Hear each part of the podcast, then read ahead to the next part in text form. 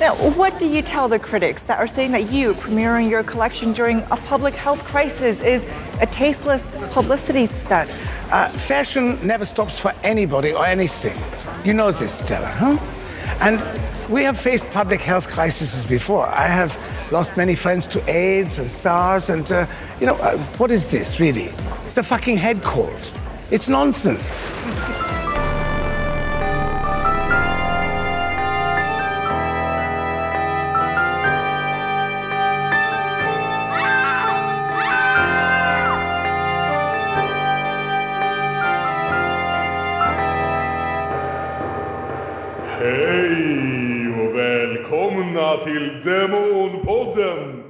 Podden där vi pratar om filmer av kvinnliga filmskapare.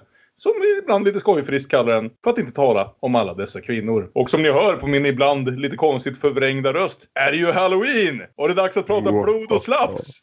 Och knivar och monster. Hurra! Det är halloween-kul med Demonpodden. Och här ikväll, för att snacka blod och inälvor med oss, har jag ju som nästan alltid Aron Eriksson Hej! och Björn Waller. Blodet droppar tio meter från din dörr. Eh, hej. Och min kära syster Ellen, tillbaka från vårt avsnitt om Jupiter Ascending och det är aldrig för sent. Hallå gutter! Ja, norska, det läskigaste språket. visst, visst var det läskigt? Det var extra läskigt. och ja, vi är här ikväll egentligen för att prata om två skräckfilmer av kvinnor. Men det lär nog bli så att vi pratar om tre filmer i slutändan. För en av dessa filmerna, Soska-systrarnas Rabid, är ju en remake på en klassiker, får man säga, kultklassiker kanske, av David Cronenberg med samma namn. Och det verkar som att vi allihopa satt oss och såg den också när vi ändå höll på. Så jag gissar mig till att eh, diskussionen om just Rabid kan bli en diskussion om även om remakes och hur de ibland skiljer sig mer eller mindre från sina förlagor. Utöver Soska-systrarnas och David Cronenbergs Rabid-filmer ska vi även prata om Julia Ducournys Raw. Som vi kommer komma fram till efter att ha pratat Rabid en bra stund. Och ja, nej, det var ju väldigt passande. Jag har för en gång skull liksom verkligen anammat det här skräckfilmstittandet som man tydligen ska syssla med i oktober om man tror Twitter. Så jag har sett de här tre filmerna den här veckan. Jag har sett en bunt andra skräckfilmer och jag måste säga att jag tycker det här har varit en riktigt mysig praktis. Jag är, har sett så otroligt mycket grovt våld den här veckan så det är inte riktigt klokt. I mitt hus är det så året runt. Det, det är det konstanta vi sätter på när man ja, inte har något specifikt man ska titta på så blir det alltid grössere som det heter på norska. Det förvånar mig inte. Jag har, lärt, jag har lärt mig den här veckan. eh, Jag började läsa Jenny Wahls senaste roman och jag fick lära mig att på norska stavar man till grunge G-R-Ö-N-S-J. Jajamän, det är helt riktigt. Fantastiskt. Fantastiskt. Och ja, eftersom David Cronenbergs eh, film är liksom lite inofficiellt en del av det här avsnittet så får det väl inte en officiell sammanfattning. Men det kan däremot Soska-systrarnas remake av Rabid få. Rose är en ung kvinna som jobbar inom modeindustrin och är traumatiserad av att hon har ett litet, litet ärr i ansiktet. En dag så är hon med i en eh, trafikolycka och får ett mycket, mycket större ärr i ansiktet. Tack vare en eh, experimentell operation så får hon istället ett väldigt fint ansikte och lust på mänskligt blod. Så, som hon tar ut på världen i diverse metaforiska och symboliska sätt. Ja, jag gissar ju att Aron och Björn var bekanta med Cronenbergs Rabid innan, innan den här veckan. Men hade någon av er sett den här remaken innan? Det hade jag inte, men jag har ju sett en del annat av Soska-systrarna. Okej, kan du presentera dem lite grann? För jag är ärligt talat inte så bekant. Jen och Sylvia Soska är ju då, som namnet antyder, inte bara systrar utan också tvillingar från Kanada. Som eh, började sin karriär som eh, barnskådespelare efter att deras mamma hade upptäckt hur mycket pengar Olsen-tvillingarna tjänade. Men Ja. efter, eftersom de såg så creepy ut så fick de bara spela såna här creepy tvillingar och då tänkte de att då kan de lika gärna göra det i heltid och sadlade om till att bli regissörer istället. Så de har nu gjort ett antal filmer tillsammans med början eh, med debuten Dead Hooker in a Trunk Inspelad för 2000 dollar med de själva i huvudrollerna. Och som de sen följde upp med vad ska jag säga, major label-debuten American Mary som jag såg när den kom och tyckte var riktigt trevlig bekantskap om man tycker att det här med liksom experimentell kirurgi och eh, blod i stora mängder är intressant. Och det gör man ju. Och, och de Ja, har vem gör inte det? Ja, de har sedan dess gjort lite annat också eh, innan de då förra året gjorde en remake på Rabid.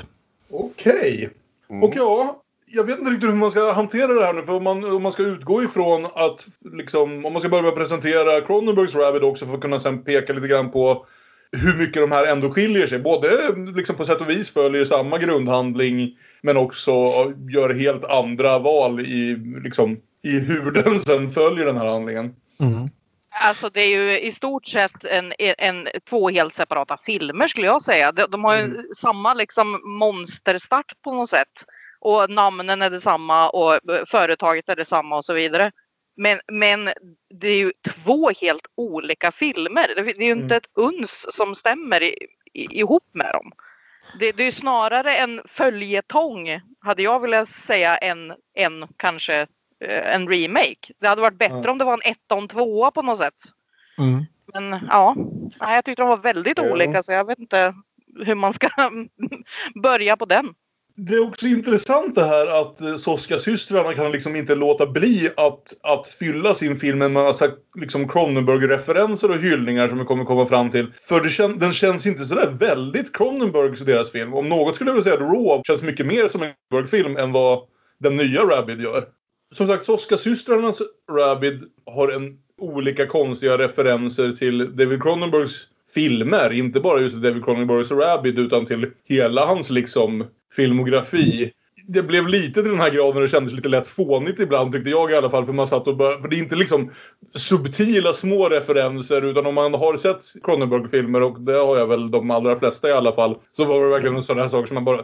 Det blev nästan liksom, drog mig lite ur filmen. Kanske allra mest uppenbart, eh, vad ska vi säga, den ovanliga get-upen som de här, vad heter det, plastikkirurgerna. För jag tänkte i alla fall direkt på, på Cronenbergs Dead Ringers i den här själva liksom kirurgiscenen. Mm. Ja, det var ju inte så subtilt, nej. Nej.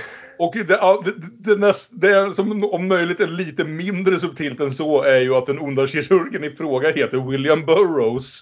Ja, och dessutom vid ett tillfälle Mm. sitter, sitter och lyssnar på ett tal av William Burroughs, typ som andra sitter och lyssnar på Spotify. Men, nej, men Är det jag, jag, det han lyssnar på? Ja. Okej. Nej, men jag, jag håller med därför att eh, det, det lustiga är att man tänker att Soska-systrarna som liksom kanadensiska splatterregissörer borde vara perfekta för Cronenberg. Men det känns som att utifrån de filmer jag har sett av dem tidigare så känns det, de är mer inne på det fysiska av body horror mer än det metafysiska. Så att när, när de nu ska anpassa sig till Cronenberg så blir de nästan lite för lustigt nog eh, lite för eh, respektfulla och det känns mer som ett läxförhör ibland än en, en film i sin egen rätt.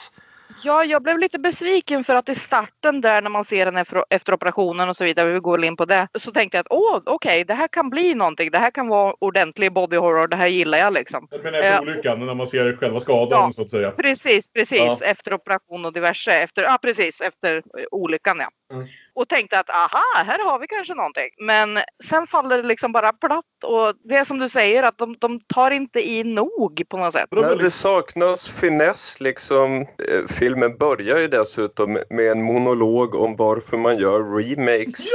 Ja, Som säger absolut ingenting.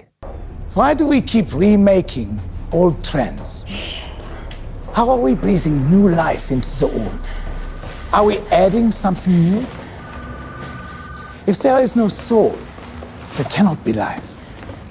So, do we cater to the masses or do we create art only for the few who dare experience it?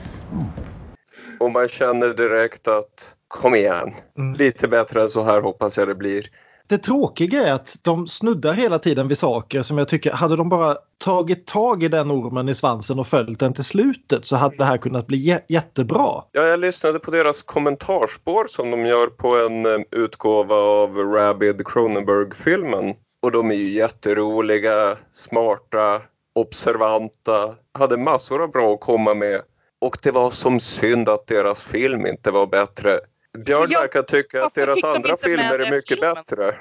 Jag ska inte säga att de är mycket bättre. Eller ja, jag tyckte American Mary framförallt tycker jag är bättre än den här. Dead Hooker in a Trunk är skitkul men det är väldigt uppenbart en studentfilm gjord med ett gäng kompisar för 2000 dollar. Ja. Den, den, den har fantastisk jävla anamma men inte så väldigt mycket mer. American Mary är en riktigt bra film. Den ska man kolla upp. Men Ja, som sagt, det, det känns lite grann som att de, de vågar inte riktigt släppa tyglarna fullt ut här. De vill både göra en remake på Cronenberg-filmen och göra något eget av den. Och då får vi såna här konstigheter som att filmen, till skillnad från förlagan, det ska vi säga också, personligen tycker jag att Cronenbergs Rabid är långt ifrån felfri. Det är väldigt uppenbart en tidig Cronenberg-film. Det är, den lider av att ha i, i princip samma handling som hans första film fast med, utan de bästa idéerna i den och den är minst sagt episodisk. Men här känns det lite grann som att de, man får nästan känslan av att de har fatt, jo men ska du göra body horror och 2019 då måste den vara symbol, den måste vara metaforisk, du måste kommentera på det här med utseendeindustrin, du måste kommentera på allt det här. Men de vet inte riktigt vad de vill säga om det eller, eller rättare sagt de kanske inte ens vill säga något om det. Men den är ju så schizofren för att de har liksom varken gått hela vägen ut eller de- har ju ändrat på den så pass mycket så att det kunde vara en separat film samtidigt som de inte har gått långt nog. Ja, Så jag, jag vet inte vad det här är och jag, jag sitter ju gärna och skriver lite notater för mig själv när jag ser på de här filmerna.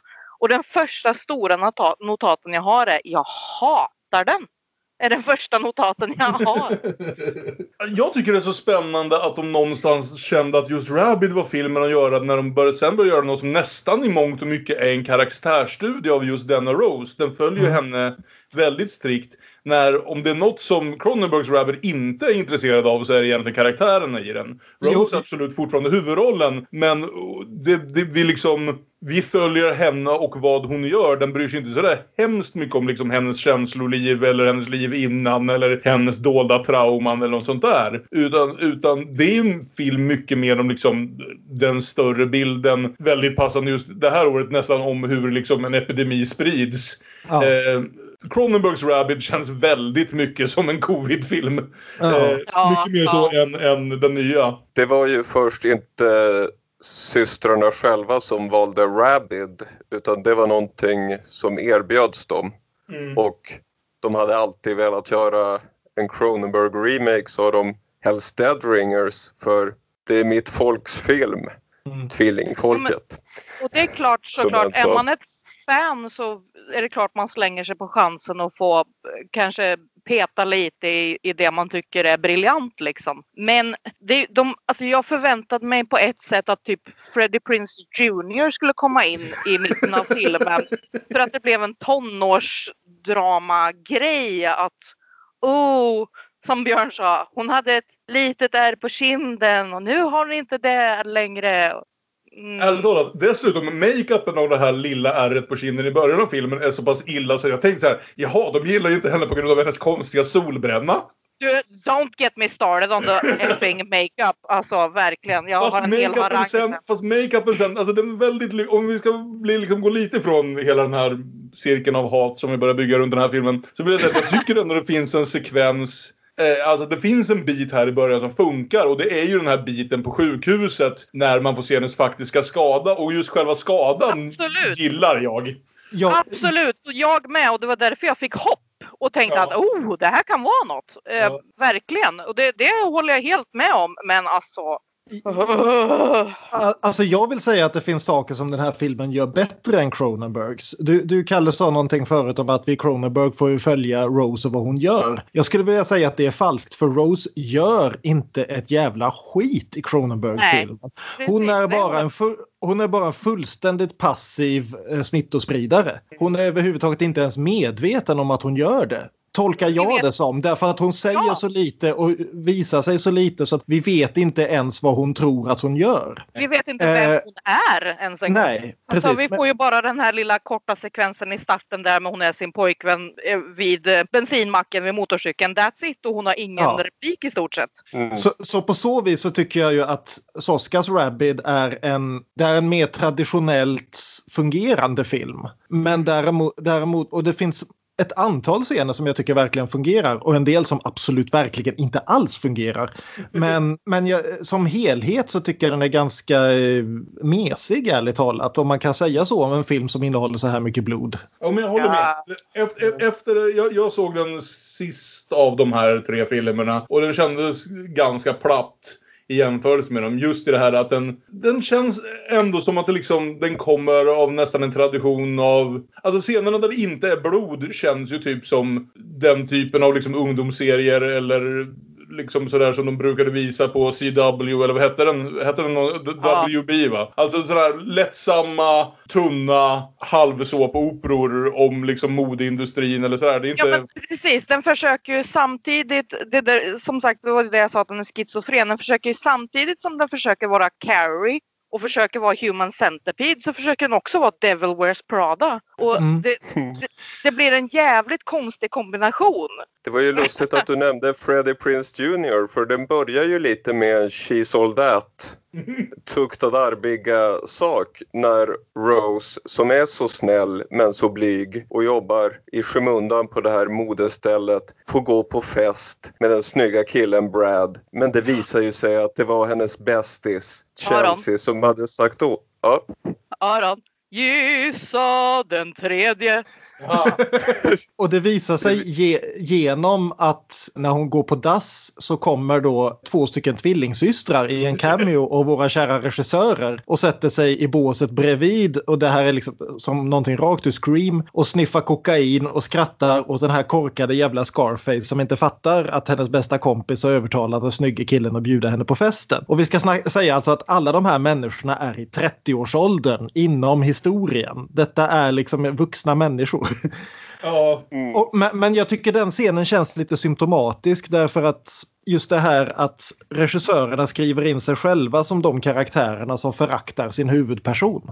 mm, ja det ligger något i det. och vi kan också nämna regissörerna ger sig själv karaktärsnamnen Bev och Ellie, vilket alltså är Jeremy Irons och Jeremy Irons i Dead Ringers. Men Ah. det, var alla fall, det var i alla fall en mindre, lite snyggare referens. Den uppskattar jag något Jo. mer än de andra. Men jo, det var lite illavarslande som sagt här Ja. i början. Och ja, givetvis har de gjort Rose till vegetarian också för så gör man numera när någon ska bli blodtörstig. Såklart. Och Hur, hur skulle du som vegetarian Aron, hur väl skulle du säga att den här filmen överensstämmer med den vegetarianska livsstilen? vi har ett sjukt kontrollbehov. Det kommer att brista när som helst. Jag tror alla är överens om det.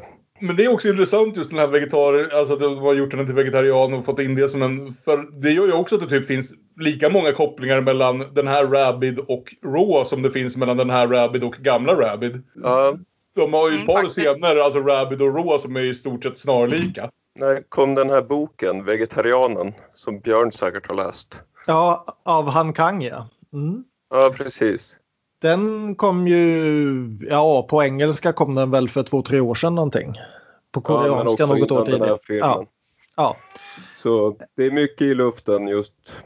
Det vi sa om Rose i Cronenberg-filmen, att hon är eh, något av en icke-karaktär som bara reagerar på omständigheter. Det är ju någonting de verkligen försökt ändra på och göra henne mer till en agent. Men det är ju tyvärr inte så jävla lyckat. Nej. Så det är väl en god insikt och de pratar om att Cronenbergs film är male gaze, vår film är female gaze. Och om filmen bara var så intressant som de själva beskriver den i intervjuer så hade det inte varit några problem. Nej. Jag hade lyssnat på deras podd om de hade en. Mm. Men deras filmer kanske, jag har bara sett den här och jag är orolig. Nej, nej, men för, bara för att fast forwarda lite grann i handlingen. Så det som händer efter att eh, Rose har fått höra det här är ju att hon rusar ut och hoppar på sin moppe och blir överkörd av en bil och hamnar på sjukhus där en läkare spelad av eh, legendariska kanadensaren Stephen McHattie som bland annat är en av världens bästa skräckfilmer, Pontypool, som kom för en tio år sedan någonting. Jag vill säga den enda gången gången jag sett honom i en huvudroll. Han brukar alltid Ja. få dyka upp i ungefär såna här eh, roller annars och säga någonting illabo- illavarslande i fem minuter. Och det här är åter en, så- en sån här liten grej som de hade kunnat göra så väldigt mycket mer av men inte riktigt verkar gitta göra. Nämligen det här att han då liksom, hon vaknar upp helt bandagerad över hela ansiktet och läkaren ska tala om för henne hur hon mår och han, hon ber honom om en spegel och han säger jajamensan visst ska du få en spegel. Och så fort hon har virat av och sett liksom hur uppfuckat hennes ansikte är och det är det rejält så säger han du kanske vill undvika speglar i fortsättningen. Och det är Ja, liksom, alltså, Vad fan gav du henne en spegel för då?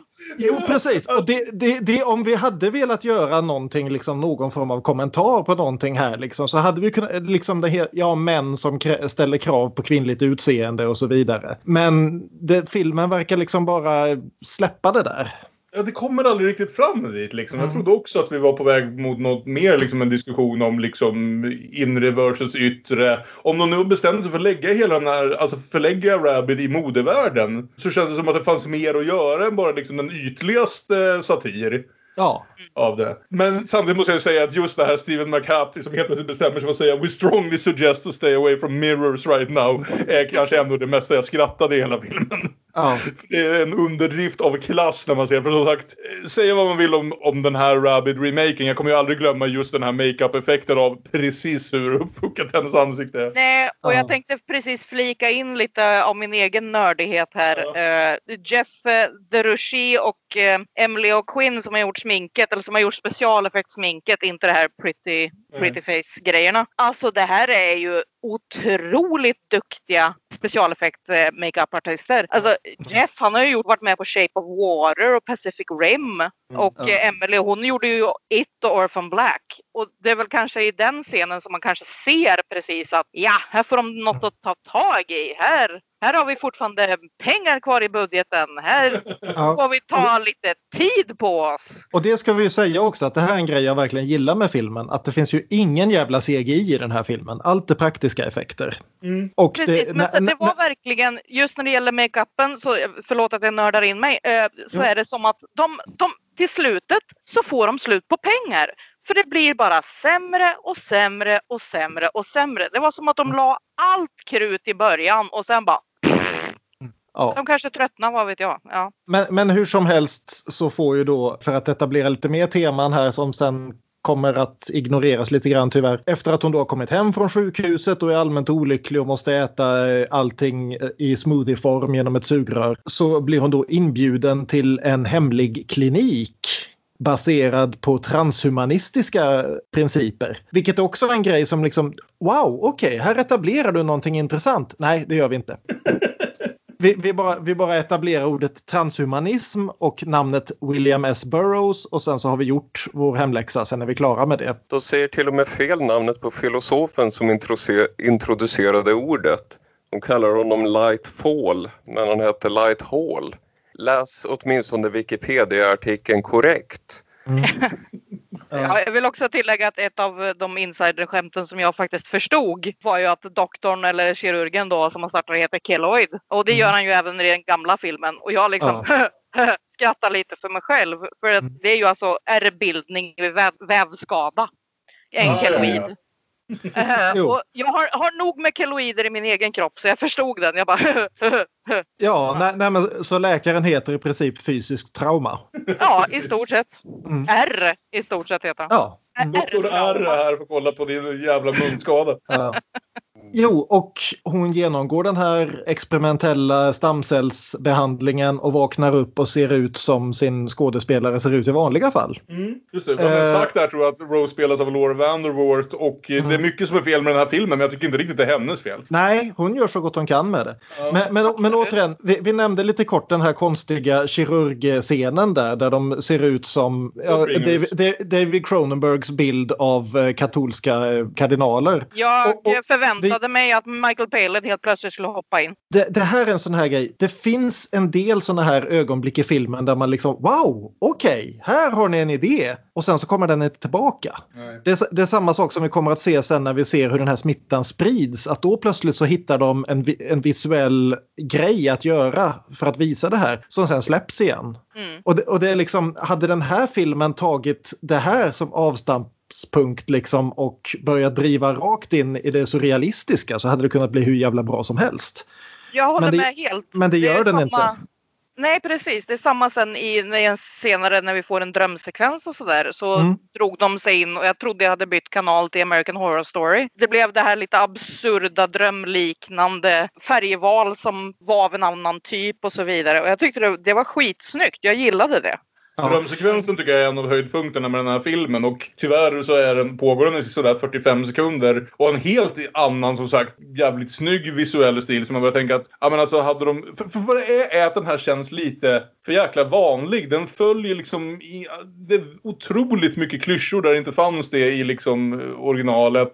Den- följer lite för många mallar och som sagt det känns jobbigt för, för något som, som liksom verkade på ritbordet som att det skulle vilja bryta sig ur de mallarna med liksom två sådana här, vad ska man säga, enfant terrible, enfant terrible regissörer som påstår sig vara Cronenberg-fans och allt sånt där. Så det bara tråkigt hur vanlig den här filmen är. Just det här med drömscener tycker jag är så intressant. För nu får vi då den första scenen där hon blir hungrig och attackerar någon. Vilket hon av naturliga skäl eftersom det ändå är en film gör i simbassängen under sjukhuset där en eh, rik eh, såpaskådis precis håller på att återhämta sig från sin operation. När hon då har gjort det här och talar om det för läkaren säger nej, nej, nej, du drömde. Det är naturligt efter en sån här procedur att du har hallucinationer. Men se, om de hade gjort den här scenen på ett sätt så att vi åskådare hade varit lite mer osäkra. Hände det här verkligen?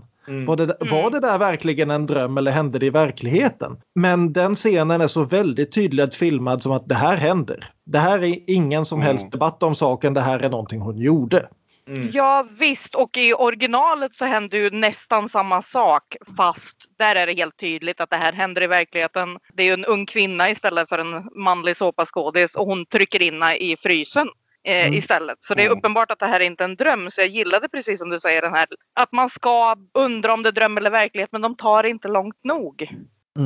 En detalj som jag undrar eftersom du nämnde det lite. Det är alltså ett William Burroughs-tal han lyssnar på här medan han kollar på Rose som sover.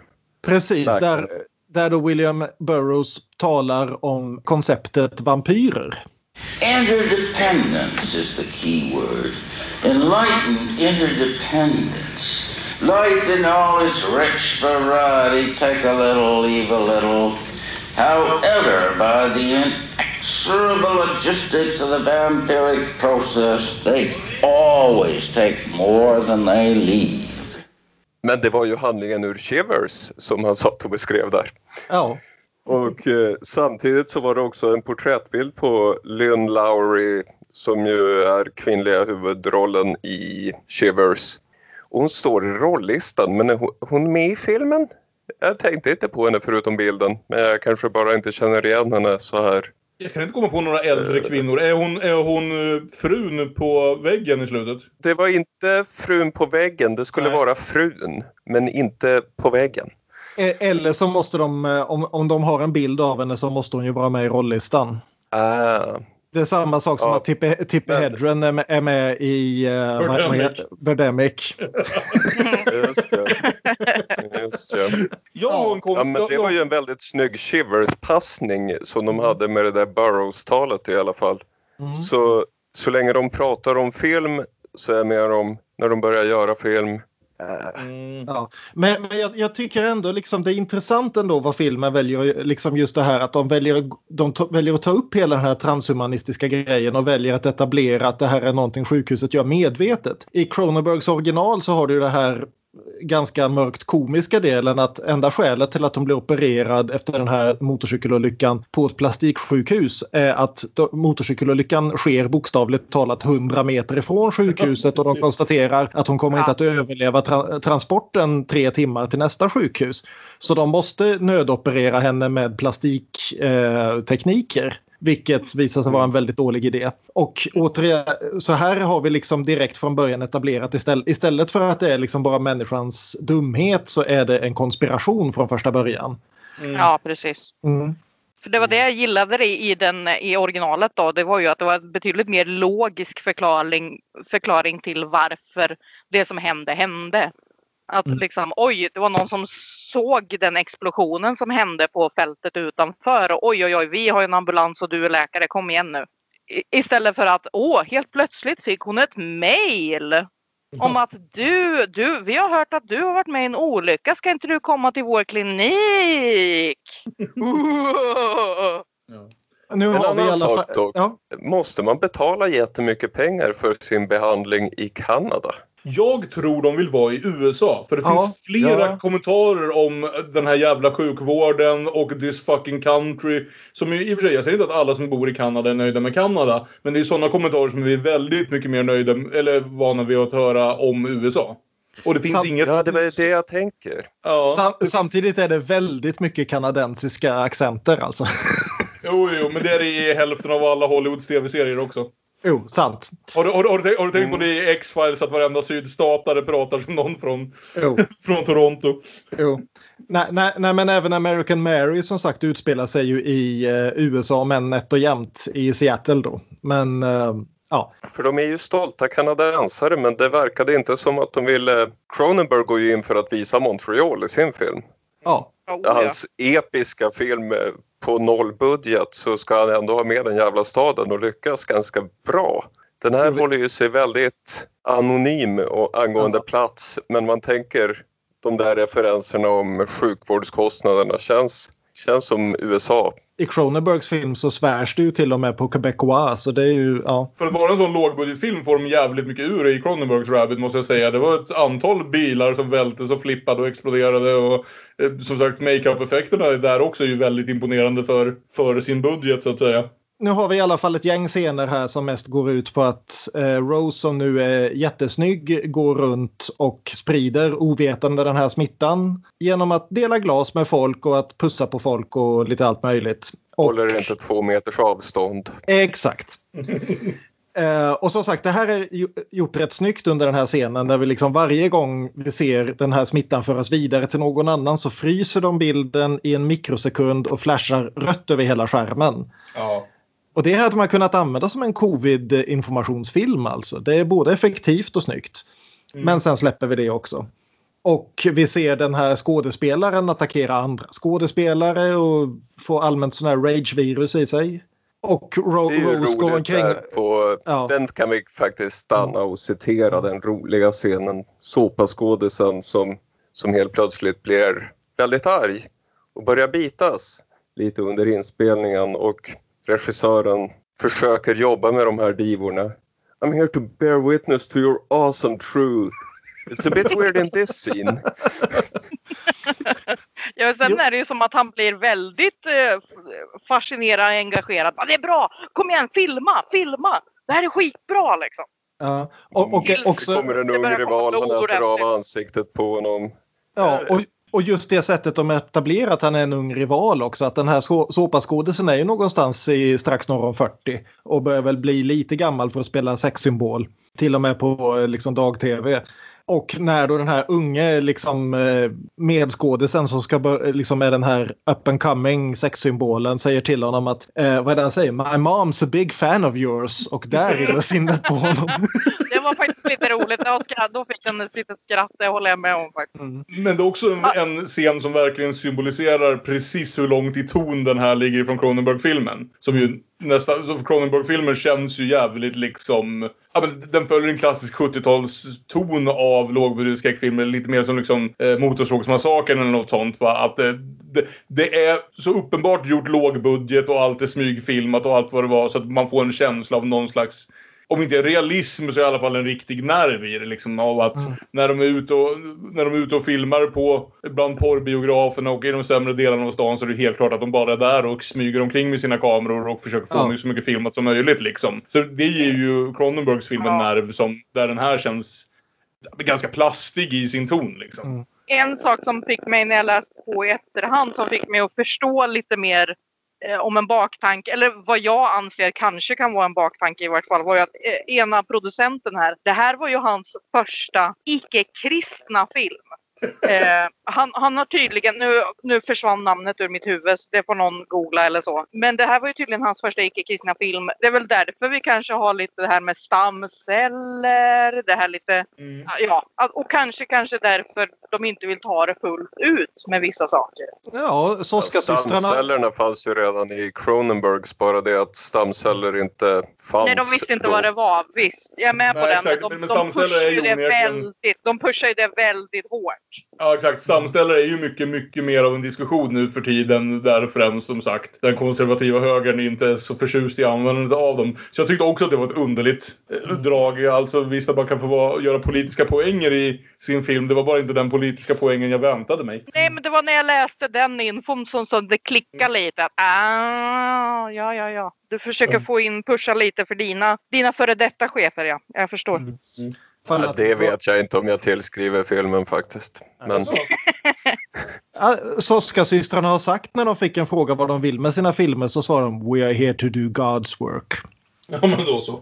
Vi har i alla fall ett gäng scener här där Rose blir hungrigare och hungrigare och börjar så smått äta folk och läkaren förklarar nej, nej, nej, du drömmer, du drömmer, ditt monster är bara psykologiskt. Men fortsätt att dricka den här specialproteingrejen i röda flaskor som jag ger dig och titta inte i dem. Tills det då visar sig att sjukvården måste börja ta tag i det här för det börjar, börjar bli en epidemi. Och här är ju filmens absolut sämsta scen. Det här är så parodiskt dåligt. Där då någon sån här folkhälsoexpert spelad av, vad heter han, från eh, Kevin Hanchard från Orphan Black. Som då spelar någon sorts överläkare eller folkhälsomyndighetstegnell eller någonting. Ska förklara att A. Att det här är någon sorts rabies och B. vil- Vilka åtgärder som måste vidtas. Och verkar liksom verkligen som om de har ringt honom. Kan du göra oss en tjänst? Kom in en förmiddag bara. Säg de här replikerna. Det, det är liksom, ja men då måste ni betala mig. Liksom, vi har skådespelarfack och alltihop. Jo men så här va. Om du inte agerar på något sätt överhuvudtaget. inte visat några som helst känslor eller någonting. Då, då, då kan du ju uppträda för mindre än vad facket kräver, eller hur? 50 dollar, inga känslor. Precis. Eh. Jag, jag gillar den skådisen men fan vad usel han är i den här filmen. Det, och, Jag tyckte var lite trist med, med skillnaden mellan originalet och remaken är ju läkaren. Eh, för att jag gillade det i originalet att han var ju egentligen bara en, en trevlig, godtrogen, eh, nyskapande läkare. Det fanns inget ont, Ja. Det fanns inget, utan han var bara en kirurg som ville prova nya saker. Här har vi ju en Blade-skurk om jag, if I ever saw one. Ja. Och överhuvudtaget så gillar jag hur Cronenberg-filmen bara liksom just behandlar pandemin och eh, hur liksom staten reagerar på den och det blir väldigt 70-tals nihilistiskt. Tänkte ganska mycket på vad ska vi säga, de första 20 minuterna av eh, Dawn of the Dead. Liksom just när Absolut. den behandlar så här. Och så, så, just den delen är ju den som Soska-systrarna helt klantar bort och gör fullkomligt både ointressant och oviktig i sammanhanget. När jag egentligen tyckte det mer eller mindre var poängen med den sista eh, halvtimmen av, av Cronenbergs Rabid. Jag saknade den stora betongborren i remaken, det måste jag ju säga. Mm. Ja. ja. Nej, nej, men speciellt då när vi kommer fram till den här sista akten där då Rose som har fått en helt ny lease on life efter att hon äter, äter folk numera så har hon ju gått från att vara en sån här liten utskälld grå mus på jobbet till att bli chefsdesigner åt den här eh, galne tys tysken Günther. Det är verkligen den billigaste jävla formen av liksom, Ja. som sagt. Åh. Is this, does this count as satire? Det är så dåligt, förlåt mig, men det är alltså, Ja. jag hatar just den biten. Det är, och jag hatar honom, jag hatar Günther, jag hatar Günther! Och, och det är väl lite grann poängen att vi ska hata Günther men inte på det här sättet. Nej, och så kommer vi då fram till den här stora, liksom, eh, vad, vad heter det, liksom den här stora föreställningen de ska ha. Modevisningen. Ja, modevisningen, precis. Och hennes kreationer ska ju då vara kronan på verket. Men så har ju hennes bästa kompis blivit smittad av det här. Därför att de, väljer att köra vidare med modevisningen trots att det är pandemivarning. Ja, det känns ju realistiskt i och för sig. Ja, det, är ju, Eh, Det var ganska roligt. Det här var det enda som sa Jo, det- någonting om det här året. Där Günther förklarar It's just a fucking head cold. Jo. Ja, talat, Precis. det, det var nog inte en särskilt bra replik när filmen gjordes. Nej. Det känns som typ den bästa repliken i filmen nu. Ja. Och, och här, här, tycker jag filmen återigen lägger upp bollen för en smash och sen bara låter den ramla ner i sanden. För just här så har du alltså det här läget att du har en modevisning med extrem, eller mode som är tänkt att vara provocerande och alltihopa och modellerna har börjat smittas och förvandlas till, till vampyrzombier eller vad man ska säga och liksom börja kasta sig över varandra och dricka varandras blod. Och här väntar jag mig att filmen ska gå full pret-à-porter. Och Mm. liksom få, wow vilken grej, vilken mode, oh kolla de blöder, oh kolla de biter varandra, vilken grej, han är ett geni. Men, Precis. men den gör det i typ fem sekunder och sen så bara släpper den det. Ja. Det, det enda eh, glimrande lilla sekunden av briljans som jag fick en liten rysning sådär. Det var ju hon när hon bästisen går ut och faktiskt jag visar upp den här modekreationen och sen så man ser att någonting klickar helt. Mm. Och hennes då prestation i den här helt blodtörstiga hjärndöda blicken. Mm. Den var fin. Den Ja. var jävligt fin. I övrigt Precis. allt bara horribelt enligt mig. Ja. Och där hade jag verkligen hoppats att filmen skulle bygga till en jävla final ändå. Men det gör den ju inte för istället så blir då Rose kidnappad av den här snyggiskillen som heter Brad som har gått och stalkat henne genom hela filmen. Förlåt Björn, jag måste pausa dig här för att i, innan hon blir kidnappad igen tänkte jag säga eh, så är det den sämsta prestationen inom makeup jag någonsin har sett. Det är den sämsta Gore-masken som någonsin har visats i en professionell film.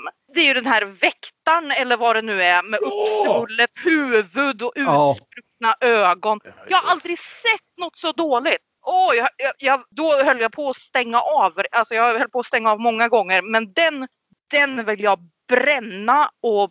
Mm, sorry. Ja. Ja, men, men hur, hur, hur som helst, vi, vi har den här jättekonstiga grejen där därför att vi får veta att Brad då jobbar åt den här Dr. Burrows som har fuckat upp henne från början. Och det han gör är att först rädda henne från de här väktarna eller vad de är som hon bestämmer sig för att, eller inte bestämmer sig för men vampyren tar över och hon dödar dem. Så han räddar henne från dem, knockar henne, tar tillbaka henne in på modevisningen och låter henne vakna upp där och sen så förklarar han du måste åka härifrån, vi måste åka till Dr. Burrows nu. Ja men du hade henne knockad. Du hade henne sövd. Varför, varför bar du tillbaka henne in på modevisningen och lät henne fortsätta där för att sen försöka resonera med henne att hon måste åka till Dr. Burrows? Det är så mycket såna här jävla hål. Vid ett tillfälle så tid, lite tidigare slår Brad ihjäl en infekterad med en brandsläckare bara för att nästa dag komma till jobbet och bara "Jaha, vad fan var det med dig igår då? Ja. Ja, du menar efter att du slog ihjäl någon med en brandsläckare? återigen så går de ju in i samma den här, det kanske var medvetet i och för sig, men att oh, ha, han, han gjorde en tjänst slash fick betalt för att ta ut den fula tjejen. Nu blir det ju samma grej igen då. De Jo. återupprepar samma tema som det var i början fast nu jobbar han för den onda kirurgen. Och det Ja, visar sig fast det att... hade ju kunnat vara bra. Ja det är det jag menar. var- Med att återkommande tema hade kunnat vara något men, men de gjorde ju inget med det. Det Nej, är konstigt precis. hur de envisas med att vi ska bry, liksom, vara sympatiska med Brad. Det, Ja, det är ett konstigt val. Och apropå att inte göra någonting med det så får vi då reda på, nu får vi liksom det här stora mwahaha-talet av Dr. Burrows där det visar sig att han då efter sin frus cancerdiagnos har startat upp någon form av transhumanistisk kult som ska förvandla folk till vampyrer för att säkra artens överlevnad. Och det hade varit en jätteintressant grej men det presenteras i de sista 90 sekunderna av filmen. Och sen presenterar han svamppappan från Mario Bros. Ja, det är det ju. Nej, det var hans fru ja. Ja just det. Ja. Fel film.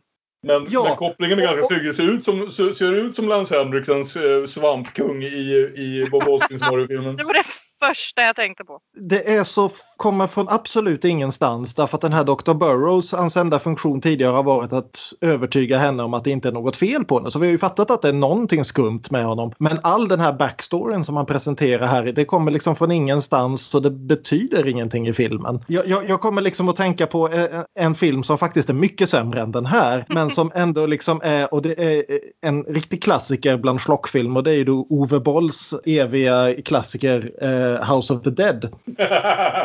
Där då vid något tillfälle zombiemästaren har fångat in vår hjälte och vår hjälte frågar honom You created it all so you could be immortal. Why? To live forever.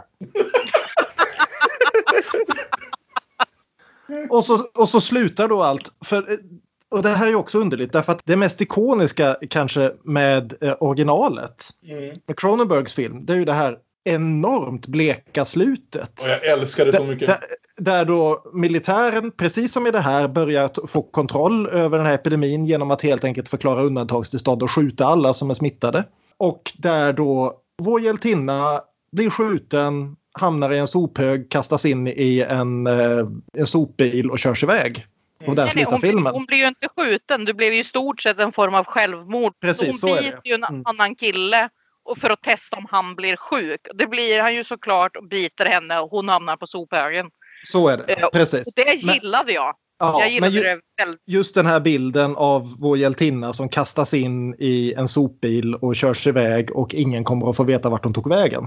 Nej, det är skitbra. Jag Spe speciellt som man, hon antagligen behövs för att skapa ett vaccin. Det är ju en väldigt 70-talsgrej. Det är ju liksom George Romero gjorde ungefär samma sak i The Crazies. Just det här liksom att vi har förmågan att skapa ett vaccin. Oj, vi råkade skjuta den andra som kunde och ingen vet ens att vi gjorde det. Det är väldigt 70-tal. Det är väldigt liksom Nixon-era. Men här då istället så får då eh, Dr. Burroughs, hon, hon försöker begå självmord men eftersom hon är odödlig så kan hon inte det så han kommer att hålla henne fången i evighet. Vilket inte heller är någonting som vi liksom riktigt fått presenterat innan. Att hon var odödlig. Och, och det är återigen liksom, jaha, men vad säger det här slutet om någonting då? Det, Nej. Ja men Mm. det ska ju liksom vara att toppa det gamla, ett öde värre än döden. Vilket, okej idé, men eh, Men det blir ju inte lika tragiskt. Mm. Inte lika brutalt, inte lika tragiskt. Inte, Nej. det finns ingen punch alls liksom. Nej, det blir ju absolut ingenting av det som det är, men eh, själva idén kan man väl ändå tänka Okej, vi tar och brainstormar det här ett tag. Nej, vi har redan filmat det. Äsch då. Mm. Så ja, Mm. Ja, nej, och där slutar ju då filmen. En stor fet besvikelse.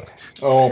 med helt. Det var liksom, jag hade så mycket hopp där i början och det, jag trodde det skulle leda någonstans där jag skulle kunna åtminstone tycka att den var rolig. Och lite splatter och bo- body horror liksom. Men det blev någon slags tonårsdrama med lite blod. Ja, men alltså, Det- även ur liksom blod och slafssynpunkt så pikar den ju väldigt tidigt med den här liksom faktiska skadan som är liksom eh, trippelt så obehaglig som någonting annat i filmen. Efter Mm. det är den ju inte alls intresserad av, av egentligen det här liksom just Cronenbergska som han är så berömd för med body horror och hans förtjusning för extra, hår, för extra kroppsöppningar och så vidare. Tekniskt sett har även liksom Soska-systrarnas eh, huvudroll, hjältinna, en extra kroppsöppning. Men det är ingenting som direkt fokuseras på. Medan Cronenberg har inget emot att visa så här 20 gånger den här extra armhålsmuttan som hon har fått. eh, som, som, som, som, Hon har fått en jätte, jättelång armhålspenis. Är det vad vi kallar the female gaze? Men jag satt liksom och bara längtade med alla mina nerver efter Tom Savini och Dawn of the Dead och, Mm. och allt George R. R. Romero och liksom det kom aldrig någon vart. Det, det, de, de var någonstans mitt emellan som sagt tonårsangst och jag vet inte ens vad den försöker vara. Jag, jag går, återgår till min första kommentar. Jag hatar den. Jag skulle inte sträcka mig så långt. Jag tycker som sagt det finns ett antal scener i den som funkar. Jag, jag tycker om liksom, även om det är lite mallmässigt så tycker jag liksom att jag tycker om att vi får mycket mera personlighet i huvudpersonen här och jag tycker om att vi får mycket mera liksom att vi får någon form av konflikt inom henne också. Den sätter upp så mycket som hade kunnat bli så snyggt. Men som sagt återigen, det jag verkligen inte kan förlåta filmen riktigt, även om jag tycker att den är väl slutresultatet blir eh, okej. Men just det här liksom att du hade kunnat bygga upp till en 10 minuters final där du utgår från den här eh, modevisningen. Och som dessutom när det följer på som sagt den mest relevanta repliken i hela filmen. Just det här. Ah, it's just a pandemic, it's just a fucking head cold. Fashion is more important. Det är liksom, tänk om du Ja. utifrån det hade byggt hela den här grejen där folk liksom wow vilka snygga sår, var får jag sådana? Härligt litet blodbad på catwalken. Hade jag Ja, inte sagt nej till. Precis. Jag vill citera Nietzsches nemesis Viljamovits som en gång sa Traditionen är död. Vårt uppdrag är att återvitalisera det liv som flöt. Vi vet att spöken inte kan tala tills de druckit blod och de andar vi kallar kräver våra hjärtans blod. Vi ger det gladeligen. Man hoppades ju att det var precis vad som skulle hända i den här filmen för det verkade ju upplagt för perfektion. Jag hoppades mycket och den hade bra idéer men fan vad det fumlades. Ja, exakt. Jag, jag hatar den inte utan jag tycker snarare den är lätt-tittad och ganska intetsägande vilket inte är bra nog någonstans utan den är väldigt lätt bortglömd. Jag kan också se positiva bitar med den. Jag gillade att vi fick se Rose som en, lite mer av en ordentlig person innan och så vidare. Och sen så tyckte jag att de snarare hade kunnat spela mer på de här sekvenserna vi snackade om som var lite så här drömliknande, absurditet, eh, häftiga färger, Lady Gaga. Alltså, Ja, precis. hade de kört mer på den istället för att försöka vara tre andra filmer som de inte riktigt visste vilka filmer de var Mm. så tror jag vi hade fått något betydligt häftigare och underhållande. Ja, absolut. Ja, Ha- den här gör mig arg. Hade den här valt att gå full weird så hade den kunnat vara ett mästerverk. Precis! Jag- jag- Jag, jag, jag tänker mitt eviga tjat när det gäller eh, remakes, eh, Suspiria. Så, Mm.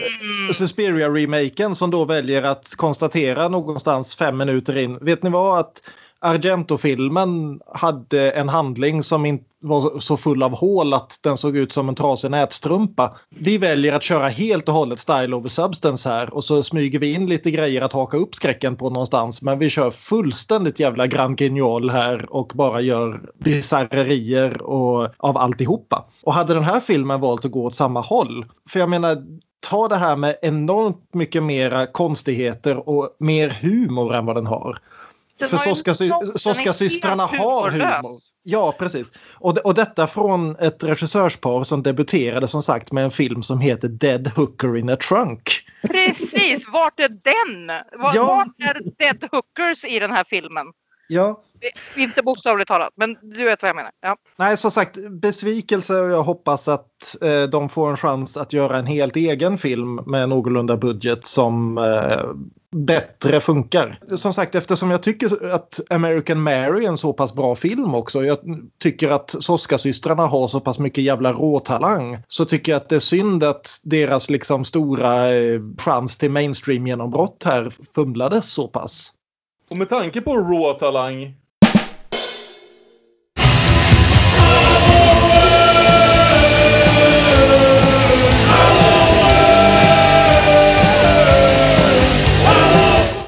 Då går vi vidare till kvällens andra film. Julia Ducournys Raw från 2016. Och Eller, ja, eller, eller de- den, ska jag säga, den heter alltså Grav, Grav. på franska. Jag, jag tycker just det här liksom att använda engelska titlar i Sverige på filmer som har titlar på andra språk känns rätt fånigt. Men ja, men den heter dumt nog Raw på svenska också. Därför att om den bara hade hetat Rå så hade det väl sett ännu fånigare ut kanske. Ja, och jag tror tyvärr vi kommer nog skriva Raw i avsnittstitel och sådär också. Så bara för att det är under den titeln den har Ja, blivit världsberömd. Svenska titeln Gravallvarlig. ja precis. Och, och vi- ska väl säga också, bara för att förvarna, att ingen av oss talar speciellt bra franska och det kommer väl att märkas kanske på Vissa, uttal av vissa, av namn och annat. ja, Men, precis, ja. vissa av namnen kommer låta lite Mm. hit och dit. Men ja, jag kan köra den här om ni vill. Rå eller Grav då handlar om 16-åriga Justine som ska följa i familjens spår och utbilda sig till veterinär. För att göra detta åker hon iväg på veterinäruniversitet i Belgien och möts dels av sin stora syster som redan pluggar där några år över henne och eh, blir snabbt indragen i en ganska brutal nollning som inkluderar att liksom carry style slänga blod, djurblod på hela klassen, äta råa kaninlevrar och lite andra saker. Och eh, som fram till den här punkten har varit vegetarian börjar upptäcka en lite nya lustar i sitt liv. Inklusive lusten efter blod och mänskligt kött. Något som visade sig hon delar i alla fall med sin stora syster. Ja, Belgien?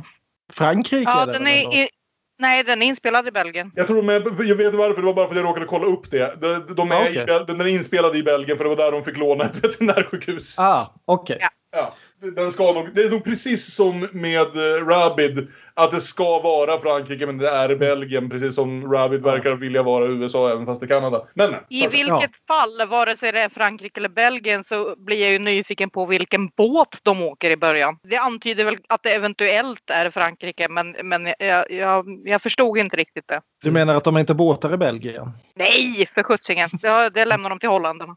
Nej, men det, det vet vi ju alla att Beneluxländerna existerar inte. Det är bara en konspiration för att sno EU-pengar. Den här filmen blev ju minst sagt uppmärksammad när den kom. Det var ju lite av, i alla fall skräckfilmsvärldens smash hit känns det där för typ 4-5 år sedan. Och det var en sån här film som fick ett ett rykte om sig som man knappt har hört om filmer sedan typ 80-talet. Nämligen att folk typ kräktes och svimmade under biovisningarna. Både i Göteborg och i Toronto rapporterades det om fall där ambulanser har behövt, behövt kallas till bion på grund av den här filmen och så. Möjligen spårades det till ett knippe väldigt illa bevarade makrillar, men ja.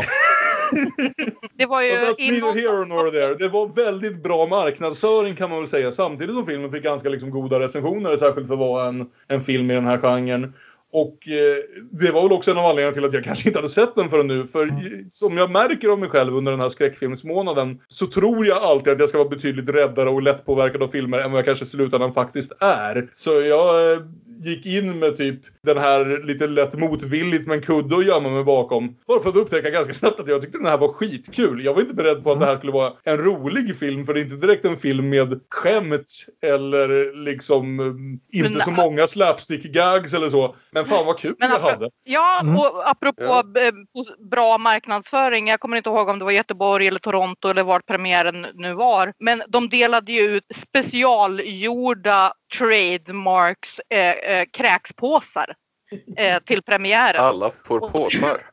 Ja, precis. När de gick in i biografen så fick de en egen liten taggad kräkspåse. Och det, det var ju lite så här härligt att spela på att de visste att det här kanske, det här kanske var något som behövdes.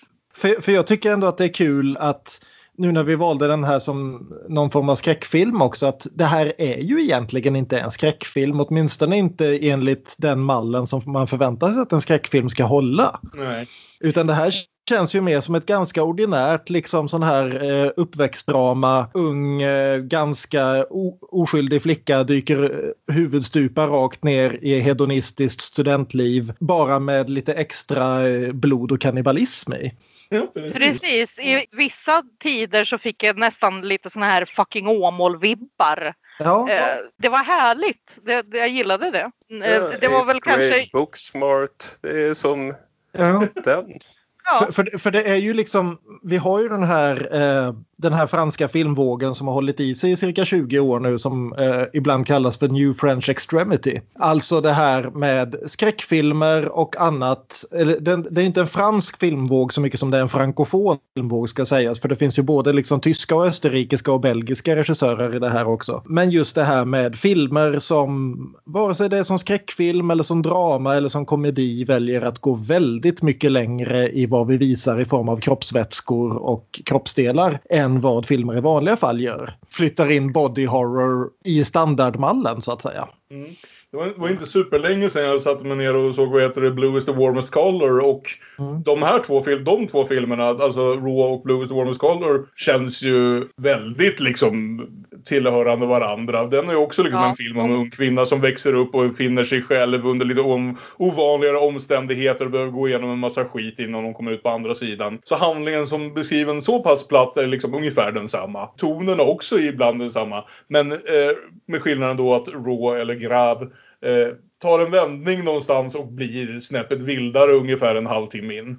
Nu måste jag säga det att jag är väl motsatsen till min bror. Jag är inte speciellt kräsmagad så jag prövade, prövade för många år sedan att eh, se igenom de värsta filmerna som fanns på nätet och testa mig själv. Och det gick bra. Bitvis. Men det gjorde också att jag kanske förväntade mig twisten. Jag, från första scen så förstod jag vad twisten var. När de sitter på båten, äter potatismos för de är vegetarianer allihop och hon får en liten köttbulle eller korvbit i. Då fattar jag att aha, ja ja, det är en sån, det är där, det är dit vi ska. Jo, men, men å andra sidan, jag, jag tycker filmen de, den etablerar ju det ganska tidigt också. Och det, Mm. det, det är inte konstigare med det. Vi, liksom, vi vet att vissa, vissa saker ska man gå igenom som tonåring, speciellt första året på högskolan. Och jag menar, det kommer inte som någon större överraskning att hon måste lära sig äta människokött. Nej visst, det, det, nej men jag håller med. Det, det, det Ja. gör ingenting. Eller du menade inte twisten som i sista scenen? Nej, nej, nej. Utan Nej, okej. den, Ja. den, liksom, den Mm. underliggande twisten eller vad man ska Ja. säga. Ja, ja, eller ja, hela... Ja, ja, jag, jag blev bara lite Eh, förvirrad. Ja. Nej, nej. Men- Men, men, Söndagsbarn talar du inte med. Nej. Helt, håller med. Nej, det, nej. Shh, tyst Aron. Nej. Där drar du gränsen för obehagligheter nu. Ja, jag, jag eh, klarade A Serbian Film. Det var knappt, men det gick. Men fan, Söndagsbarn var fan värre. Eh, det kanske för är att lättare det här- med Blood and Gone. För att vara i det här franska extrema nya så den är ju inte så grotesk som eh, säg Martyrs eller något liknande. Så det här att folk kräks och svimmar tycker jag är lite underligt. Ja, det måste vara Jag håller med. Har, har väldigt, jag tycker det finns, jag gissar att allt handlar om en scen som jag också tyckte var effektiv. Mer ju baserad på uppbyggnad än vad heter det än vad som faktiskt visas och det är ju den ökända fingerscenen som jag älskar. Som typ är det roligaste jag har haft när jag tittat på en film på länge. Men jag förstår hur man, ja, hur man kan reagera på den. Det var enda gången jag kände lite så här. Men visst, Ja. samtidigt håller jag med. Jag såg en annan film den här veckan som jag pratade om i den här podden, nämligen Marinades Tony Erdman. Och i den finns det en scen där hon sticker i hål på en blodfylld nagel med en nål. Och den scenen var fan värre än något jag såg i någon av de fem skräckfilmerna jag den här veckan. Jag tror lite grann delvis att den här har, i den mån folk faktiskt har svimmat. Jag misstänker att det är lite samma sak som, för, för ett gäng år sedan så skrev Chuck Palahniuk, han som gjorde Fight Club,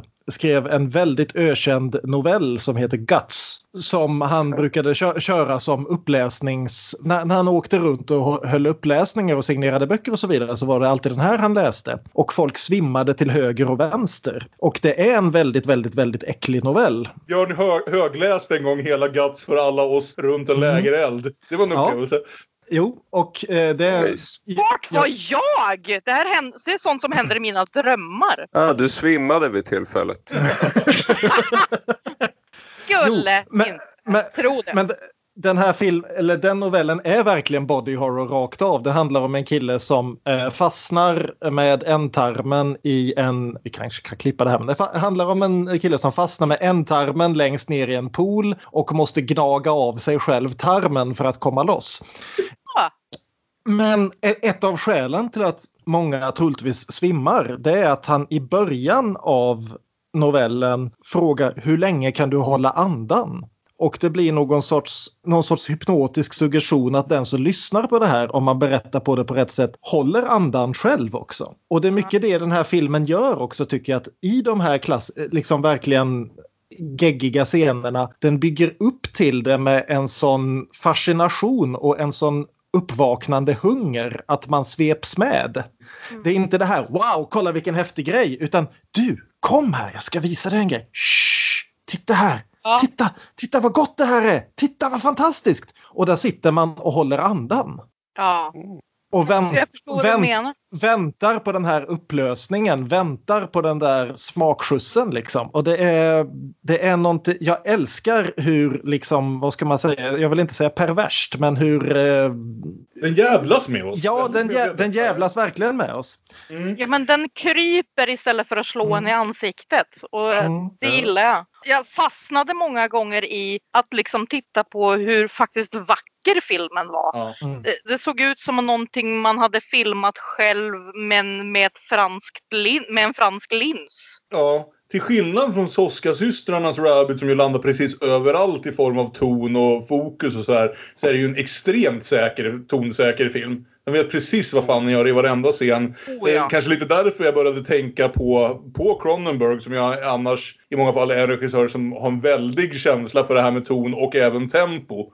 Det är en av de här beryktade 96 minuters filmerna som vi brukar prata om ibland. Att en perfekt film är 96 minuter och inget behöver klippas, inget behöver läggas till. Och jag känner att den här nog faller in ganska väl i det. Jag tänkte ofta på nattvardsgästerna. Liksom hur man bara flyter med den här lite feberdrömmiga Mm. Det, Mm. det är inga chockeffekter men, men en väldig ansträngning, börda som ligger på en och man går med. Då öppnar ju ändå filmen mer eller mindre med en sån här chockeffekt som är dessutom någonting som den här New French Extremity-vågen använder väldigt ofta. Nämligen just det här intrånget.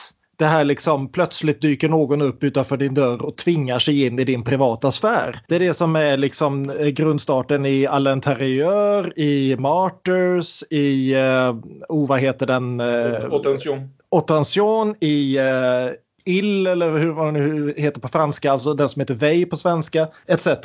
Men här är det då att hon har precis, precis checkat in på studentrummet. Hennes rumskompis dyker upp. Hon hade börjat att få en tjej. Han svarar du fick en bög istället, samma sak. Och där plötsligt Som tycker väl att det är samma sak. Och där så kommer hel, plötsligt hela nollningskommittén, stormar in, kastar ut deras madrasser på gården och släpar med dem till den mest liksom vansinniga studentfest som någonsin har fastnat på film. Och i an, alla de här andra filmerna så är det här en fullständig skräckupplevelse medan här så blir det liksom en väg in i den här fantastiskt depraverade världen. Mm. som både är motbjudande för henne då som 16-årig oskuld vegetarian som aldrig varit utanför sin lilla hemby men också är något så enormt fascinerande. Och, och hon, hon gör ju det här då Julia Decournau med en sån jävla kameraåkning. Det är alltså en enda tagning som är typ fem minuter lång där vi då följer vår huvudperson genom den här vansinniga festen där folk super och dansar nakna och hånglar och knullar i vartenda hörn. Och, och ska sägas, det här är hennes långfilmsdebut, vilket är helt Ja. jävla sanslöst. Hon har, hon har en ny film på gång som jag tror har blivit covid-försenad. Som man väl får hålla tummarna för att man får se inom kort. Men eh, det är jävla imponerande start på en karriär liksom. Ja, och det, det, det, man kan liksom nästan bortse ett tag från handlingen och bara titta på den. För jag tycker att det är så imponerande med hur den är gjord och bildspelet och, och för den delen skådespeleriet. Det känns så rått och så äkta samtidigt som det är drömskt. Och det, Jo. ja, Och, och jag, jag tycker det är en sån, här, en sån här kul grej som jag upptäckte när jag kollade. Jag har sett den här filmen förut ska jag säga. Det här var min andra gång jag såg den. Men det jag inte hade kollat upp förut är ju att hon som gör huvudrollen här, Garance Marillier. Hon är alltså typ 17-18 när de gör den här filmen. Men då har hon och Julia Ducournau redan jobbat ihop i fem år med kortfilmer och teater. mm. Så de har ju Jag en, läste en, det också. De har en enorm jävla kontakt här och man märker verkligen att här är regissören och huvudrollsinnehavaren som ju bär hela filmen. Hon är i princip med i varenda, fil- varenda scen och hon har inte sådär jättemånga repliker nödvändigtvis men kameran är hela tiden på henne och det är så bra förstå- förståelse mellan kameran och huvudpersonen hela tiden. ja, det är väl i stort Frankrikes tre- Gunnar Björnstrand. det är väl i stort sett tre huvudkaraktärer som vi i stort sett vi utgår ifrån henne och sen så parerar vi kameran till två av de andra beroende på hur de behövs i förhållande till henne. För att det är hennes historia vi ska följa på, på ett sätt, på en måte tänkte jag säga. Det finns inga scener utan henne va? Jag tror inte det. När vi har dubbelbullat den med Rabid så måste vi ju dock nämna att den har en bilolyckeprolog precis som Rabid. Ja. Bara en lustig slump. Och bilen i fråga är en Saab dessutom ska nämnas. Oj! Ja, Sverige. Sabbade de en Saab? Det finns ju typ bara 20 kvar. Ja. Jo, men, men du har... Och så just det här också att det dröjer sig en kvart in i filmen innan vi ens fattar vad det är hon är här för att studera. Det är en veterinärhögskola. För ingenting sånt har etablerats i dialog eller någonting utan vi har inte ens fått höra hennes namn tror jag. Utan vi bara släpps rakt in i den här handlingen. Och att det etableras att det är en veterinärhögskola det visas då med att de får söva en häst och sen så fortsätter nollningen med att de blir dränkta i blod och ska äta den här kanindjuren. Det är ju liksom dels det att hennes syster som hon då, för, som då läser typ två år före henne. Hon förväntar sig att ja, men hon, syrran kommer att backa upp mig. Nej, vi är vegetarianer, vi kan inte göra något sånt. Det vill säga att så fort syrran kom hemifrån så släppte hon allt sånt där.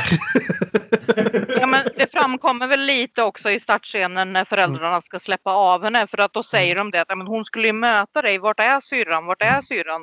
Och då, redan då börjar man ju kanske ifrågasätta. Ah, okay. hon, Ja. hon har sitt eget liv. Hon, hon är inte helt inne på det här med, med vad familjen håller på med längre. Mm. Så Men- redan men där också- får man liksom premissen för stora syrran här att okej. Men när då njurarna kommer fram och så där så försöker hon ju ändå på sitt eget sätt eh, stötta lilla syster och fåna igenom det här nu då. Ja. Jag, jag älskar också den här scenen som följer alldeles efter det. Då alla de här nollorna ska äta lunch, fortfarande indränkta i grisblod från topp till tå. Eh, Justin då hamnar i en diskussion med sina nya klasskompisar om att ja, men jag är vegetarian och jag tror att djur har värde och att djur har känslor och alla bara stirrar på henne som om hon var från Mars. Och hon, förk- och hon ställer frågan, men varför studerar ni till veterinärer om ni inte tror att djur har känslor? Och alla bara stirrar på henne och vänder sig om och går vidare med sitt liv. Liksom. Det, du har inte fattat varför alla andra gör det här.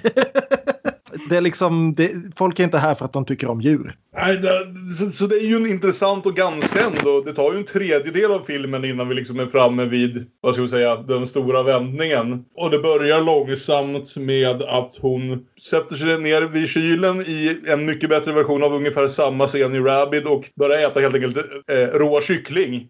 Rätt ur den. Eh, Samtidigt som hon måste dölja det här då från sin eh, nya bästa kompis och rumskompis Adrian. Och, Jag vill eh, tillägga där att eh, kycklingen är en, en effektkommentar. Kycklingen är gjord av godis eller socker. Eh, det är inte en rå kyckling hon äter. Och Nej, eh, skådespelerskan hade eh, uttalat sig att "Jaha, fick inte det här dig att inte vilja äta eh, kyckling igen? Nej, men det fick mig att aldrig mer vilja äta gelégodis. Hon måste ha gjort det där Mm. i flera timmar och bara tuggat och tuggat och tuggat. Ja, vi, vi har också den här scenen då hon vaknar mitt i natten och upptäcker att hon har utslag över hela kroppen. Åh, fy fan. Den Briljant! scenen kan jag ju tänka mig Ja. ja. vissa sådana här, att det är den som fick folk att må dåligt. Alltså inte nödvändigtvis just när hon bara ligger där och kliar sig, Mm. utan sen hon behöver gå till läkaren. För, för Det är så det, bra gjort. Man Ja. känner det. Man känner hur det känns. Hon gör det så bra och det är så synd om henne. Ja. Mm. Eh, Jag, Och- och just det här tycker jag är effektiv body horror också. Det här är inte oh nej, det är en konspiration av onda läkare som har läst för mycket William S. Burroughs som är ute efter att använda min kropp för att skapa en odödlig människoart. Utan det är verkligen min kropp håller på att ruttna sönder. Precis, det, Det- går in i ryggmärgen. Man liksom Mm. känner att det här kunde hända mig. Det här är, det här är naturligt något som hade kunnat hända.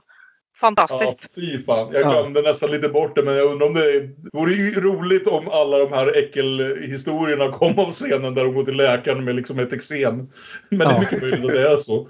Ja, men, men sen så har vi ju då den här stora vändningsscenen där då syrran ska eh, lära, lära henne att bli en riktig tonåring och ska lära henne att pissa stående upp och de super ihop och de börjar återknyta bekantskapen lite grann. Och så ska då syrran lära henne att vaxa sig. Uh, Den här var så skillnad.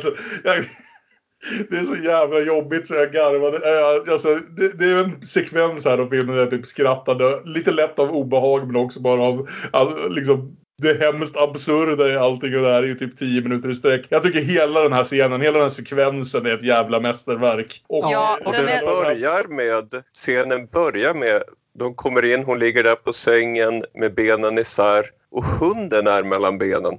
Man tänker, kommer det här bli, hon tänker väl inte ha sex med hunden? Nej, tyvärr inte. Den här scenen kommer att bli obehaglig istället. Ja, eh, vi kan väl säga att eh, den här scenen, den var ju så fylld med kärlek och med humor. Men Ja. det här var ju den kvinnliga motsvarigheten till Ben Stillers scen i Den där Mary när han fastnar Ja. i gylfen. Jo, Så nej, de, de som har sett den där Mary och kanske är kvinna eller de borde förstå vad jag menar. Jo, nej, nej, men jag älskar det med den här scenen att den funkar på så många nivåer. Den funkar som body horror, den funkar som eh, väldigt, väldigt svart komedi och den funkar också som familjedrama. Ja. Det, därför att det som, det som, för det som händer då är ju alltså att Alex, stora syrran, försöker vaxa henne. Vaxet fastnar i håret. Hon måste försöka klippa loss det och när hon gör det så blir Justine lite, lite nervös och darrar till och sparkar till henne varpå Alex klipper av sig fingret. Och tuppar, och tuppar av som man gör när man, när man klipper av sig fingret. Där har jag en fråga. Mm. Eller en eh, kommentar som jag skrev ner när jag såg det. Varför svimmar Alex av sitt eget blod? Var det bara chocken? Ja, det måste Eller- vara chocken. Det är nog inte så mycket blodet som just shit jag blev av med en kroppsdel. Ja, precis. Ja, ja, precis. Det är det jag antar. Men hon har ju liksom inga problem med annat blod om vi säger så. Spoiler alert. Nej, men, men, det, men det jag tänker, just den här insikten att man har skadat sig själv oåterkalleligen. Ja. Ja, det, det är något annat när det är din egen kropp och det, det- händer det- helt plötsligt. Det är Ja. lite grann samma sak som om du, nu ska vi gå helt åt andra hållet här, men om ni kommer ihåg det här när Thomas Brolin bröt benet av sig mitt i en fotbollsmatch. Det finns någon bild där, där han bara stirrar på sitt brutna ben och håller på att verkligen fullständigt tuppa av. Och det är just den här insikten att shit, min kropp är trasig för evigt. Mm. Det, det, det är en rejäl chock. Jag vet inte om det där var en bra liknelse, eh, men då har vi fått in Thomas Brolin i den här podden också. Ja, jag, jag, ni har ju pratat om sport tidigare men, Ja, men Brodin har väl precis. aldrig nämnts. Nej, Men, Men- eh, men- det, är- men det är väl så- som du säger att det är en annan sak när det är din egen kropp. Ja, och det, Ja. precis. Hur som helst, Justine som den goda syster hon är plockar upp fingret, ska lägga det på is, ska ringa till ambulansen medan syrran ligger avtuppad. Ja, man tror någonstans- hunden ska äta upp det. det.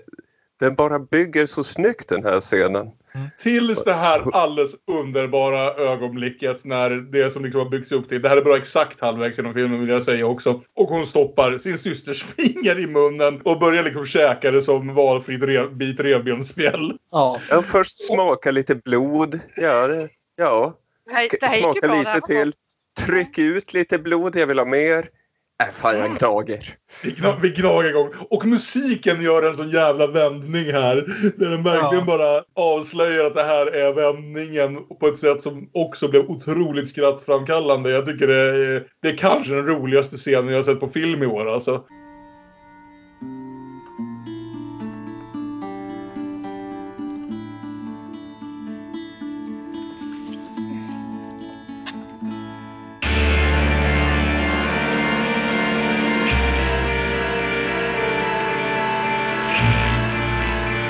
Men också just sättet den bygger på, liksom att, det sa du redan, men, men, men just det här att det verkar nästan som om hela universum vill att hon ska inse någonting om sig själv här. Det är som varenda queerfilm när du liksom ser huvudpersonen förälska sig i någon av samma kön och liksom poletten ramlar ner. Ja, Att- att- kom igen nu, gör det! Ät Ja, fingret! Det är det här du är Precis. gjord för. för. För, för just det här liksom ambulanspers eller som eh, 112-personalen talar om för henne att ja men slå in det i is och hon kollar i syrrans kyl men syrran är student och, och all is har gått ner i, i spriten. Det finns ingen is och det är liksom hon sitter där med fingret och det är liksom lägger jag ifrån mig det äter hunden upp det. Det är som det här liksom nästan, hur, hur tar du dig över floden med ett kolhuvud, en höna och en räv? Liksom. Det är Ja, men- lägger jag ifrån mig fingret äter hunden upp det. Lägger jag det någon annanstans så ruttnar det. Vad fan ska jag göra? Ja, men jag äter det då! Och mitt i allt det här så vaknar syrran också och ser henne äta fingret. Och, och, och jag älskar den reaktionen här för det, det kommer ju liksom att framgå i nästa scen också att det, hon ser inte förvånad ut. Hon ser, less, hon ser ledsen ut men förståelig. Liksom just det här. Yes, syrran är också en Ja. del av det här. Du ja, också ja. ja. ja, Och det, och det är även vändningen, det ska vi säga, det visste vi ju inte innan den här punkten. Nej. Det är ju här någonstans vi långsamt börjar ana det. Man kanske börjar gissa det redan vid blicken hon ger henne här. Men det blir väldigt klart bara några scener senare. Den allra mörkaste biten av det här är ju att de offrar den stackars hunden för att förklara vart fingret tog vägen. Så Jag vill lägga för- till eh, två, två grejer just angående Ja. den här scenen. Jag vill hålla kvar vid den för den är så briljant. Det är Dels ska- hur de filmar hennes reaktion på fingret och samtalet med personalen i telefonen. Det är så långdraget och också så chockartat för henne eh, såklart. För vem hade inte blivit chockad av det? Men, men också hur de gör liksom. Hon sitter själv och tvivlar på, har det här verkligen hänt? Är det det här som händer nu? Eh, men sen så vill jag också tillägga en annan sak som jag undrar om det är menat, jag som har missuppfattat eller ett filmfel. Det är en annan hund i början och här är en annan hund. En, en är föräldrarnas hund, en är stora syrrans hund. Så varför kallar de den för samma namn? Har alla hundar samma namn? Ja, alla hundar har samma namn. Ja, då måste jag döpa upp Solo med en gång. Men vi får i alla fall en av de nästa scenerna är ju då när efter att Alex har kommit ut från sjukhuset igen. Alex släpar med sig lilla syran ner till den här eh, allén som vi såg alldeles i början av filmen där Saaben kraschade. Där bilar kör förbi i alldeles för hög fart och sätter sig. De sätter sig bägge två bredvid vägen och Alex säger jag måste visa dig någonting. Och det hon visar är ju då helt enkelt hur hon skaffar mat. Hon rusar rakt ut i vägen framför en bil. Bilen svänger undan, kör rakt in i ett träd och alla ombord dör. Så Hur att... många bilolyckor har det hänt på den vägen? Borde inte ja, någon börja ifrågasätta det här? Ja, för det är ju en väldigt, väldigt rak väg också. Grounds. Ja. ja, och det är hennes hunting grounds så att säga. För det verkar vara mm. ett ställe hon har varit på förr. Ja. Mm. Så, så då får vi den här scenen då där stora syrran skopar i sig hjärnan rakt ur en krossad skalle och sätter i sig. Därav min kommentar på varför hon svimmade vid blod förut. Men... Ja, ja men, men som sagt, som ju också är fråga, som inte är riktigt visat så går som det hade kunnat vara. Annars låter det ju på beskrivningen onekligen som att det också hade kunnat vara en scen som frambringade reaktioner i bion. Men det, ja, ja, det, ingenting det görs ju som för chockeffekt. Det här är ju en fin scen mellan två systrar. Det stora ja. systern lär lilla systern välkommen in i puberteten. Ja, precis. Ja, precis det, det, drar tankar till, är det Lejonkungen där han lär sig att jaga ja. antiloper? Ja. ja. Det är, typ det är lite den. Det är, så här, det är så här vi jagar. Liksom. It's the circle of life. Vi har inte riktigt presenterat heller just hur viktig han Adrian, alltså rumskompisen här, blir. För någonstans är ju det här en film som så mycket annat och som sådana här filmer brukar vara oavsett det är fucking Åmål eller Blue is the warmest color om ett sexuellt uppvaknande. Mm. För Justine när hon kommer först till skolan här är ju väldigt liksom blyg och skygg och har inte haft många, några sexuella upplevelser i stort sett. I alla fall utifrån vad hon säger och hur hon beter sig. Och i samband med att hon får den här... Hon får lust för människokött på mer än ett sätt kan man väl säga. Mm. Jag älskar honom. Men hon säger ju också det klart och tydligt hos läkaren efter att hon har fått de här utslagen. Mm. Så frågar ju läkaren ja, har du haft sex? Har du, kan det vara något sånt? Liksom, ska vi, är du gravid?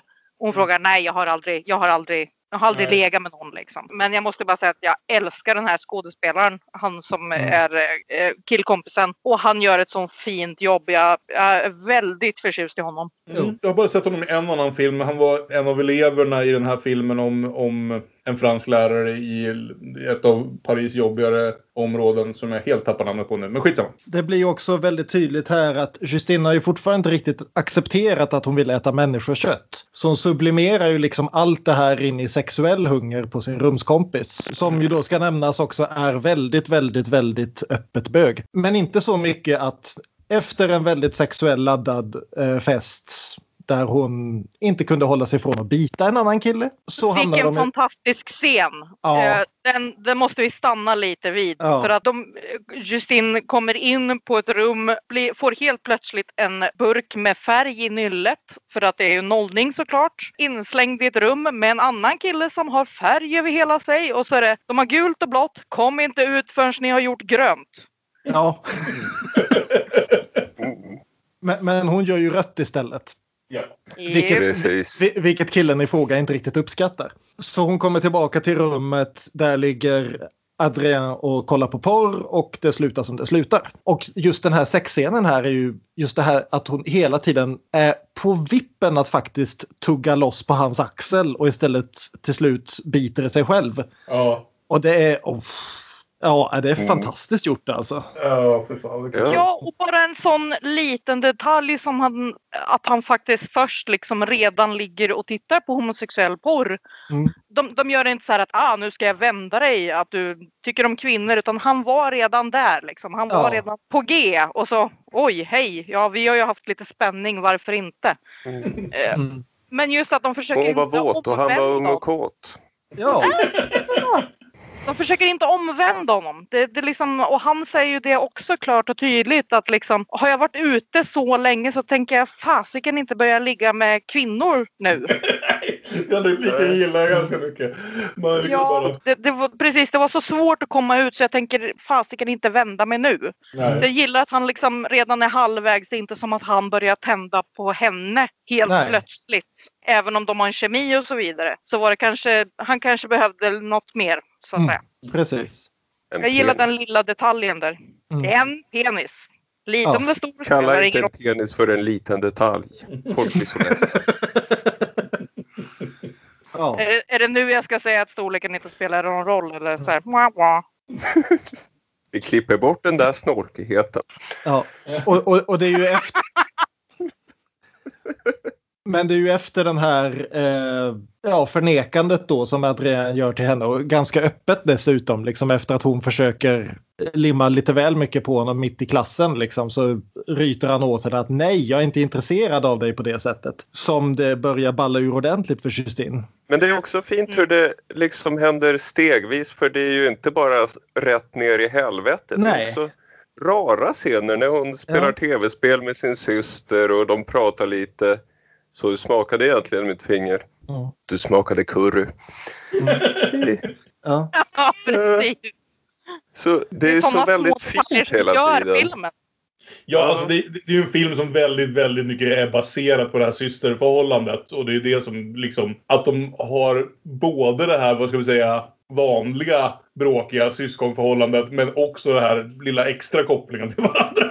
Ja. Det är liksom verkligen det som är filmens hjärta någonstans och som gör den så speciell. Och det är Ja. därför hjärtat går mitt i tu när vi får se vad som händer på den här festen. Där Ja, Justin verkligen. blev Där, lite för full. Om vi säger så här, det, det, det är ju en, verkligen en här... en gråtattack på G.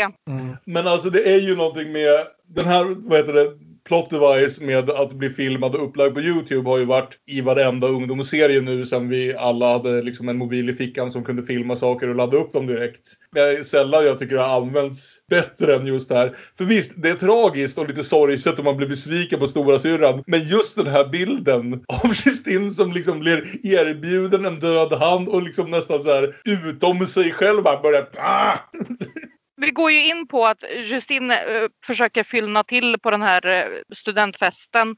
Blir så pass full att syrran måste dra iväg henne och då drar de iväg henne till ett bårhus som av någon anledning finns på veterinärhögskolan. Nej, det, det är inte Eh. veterinärhögskolan. Det är läkarhögskolan som ligger alldeles Okej. intill. Det etableras någon gång. Och det, och det sägs också det att läkarstudenterna super ännu värre än veterinärstudenterna. Ah, och vad jag först- så vitt jag minns så är det sanning.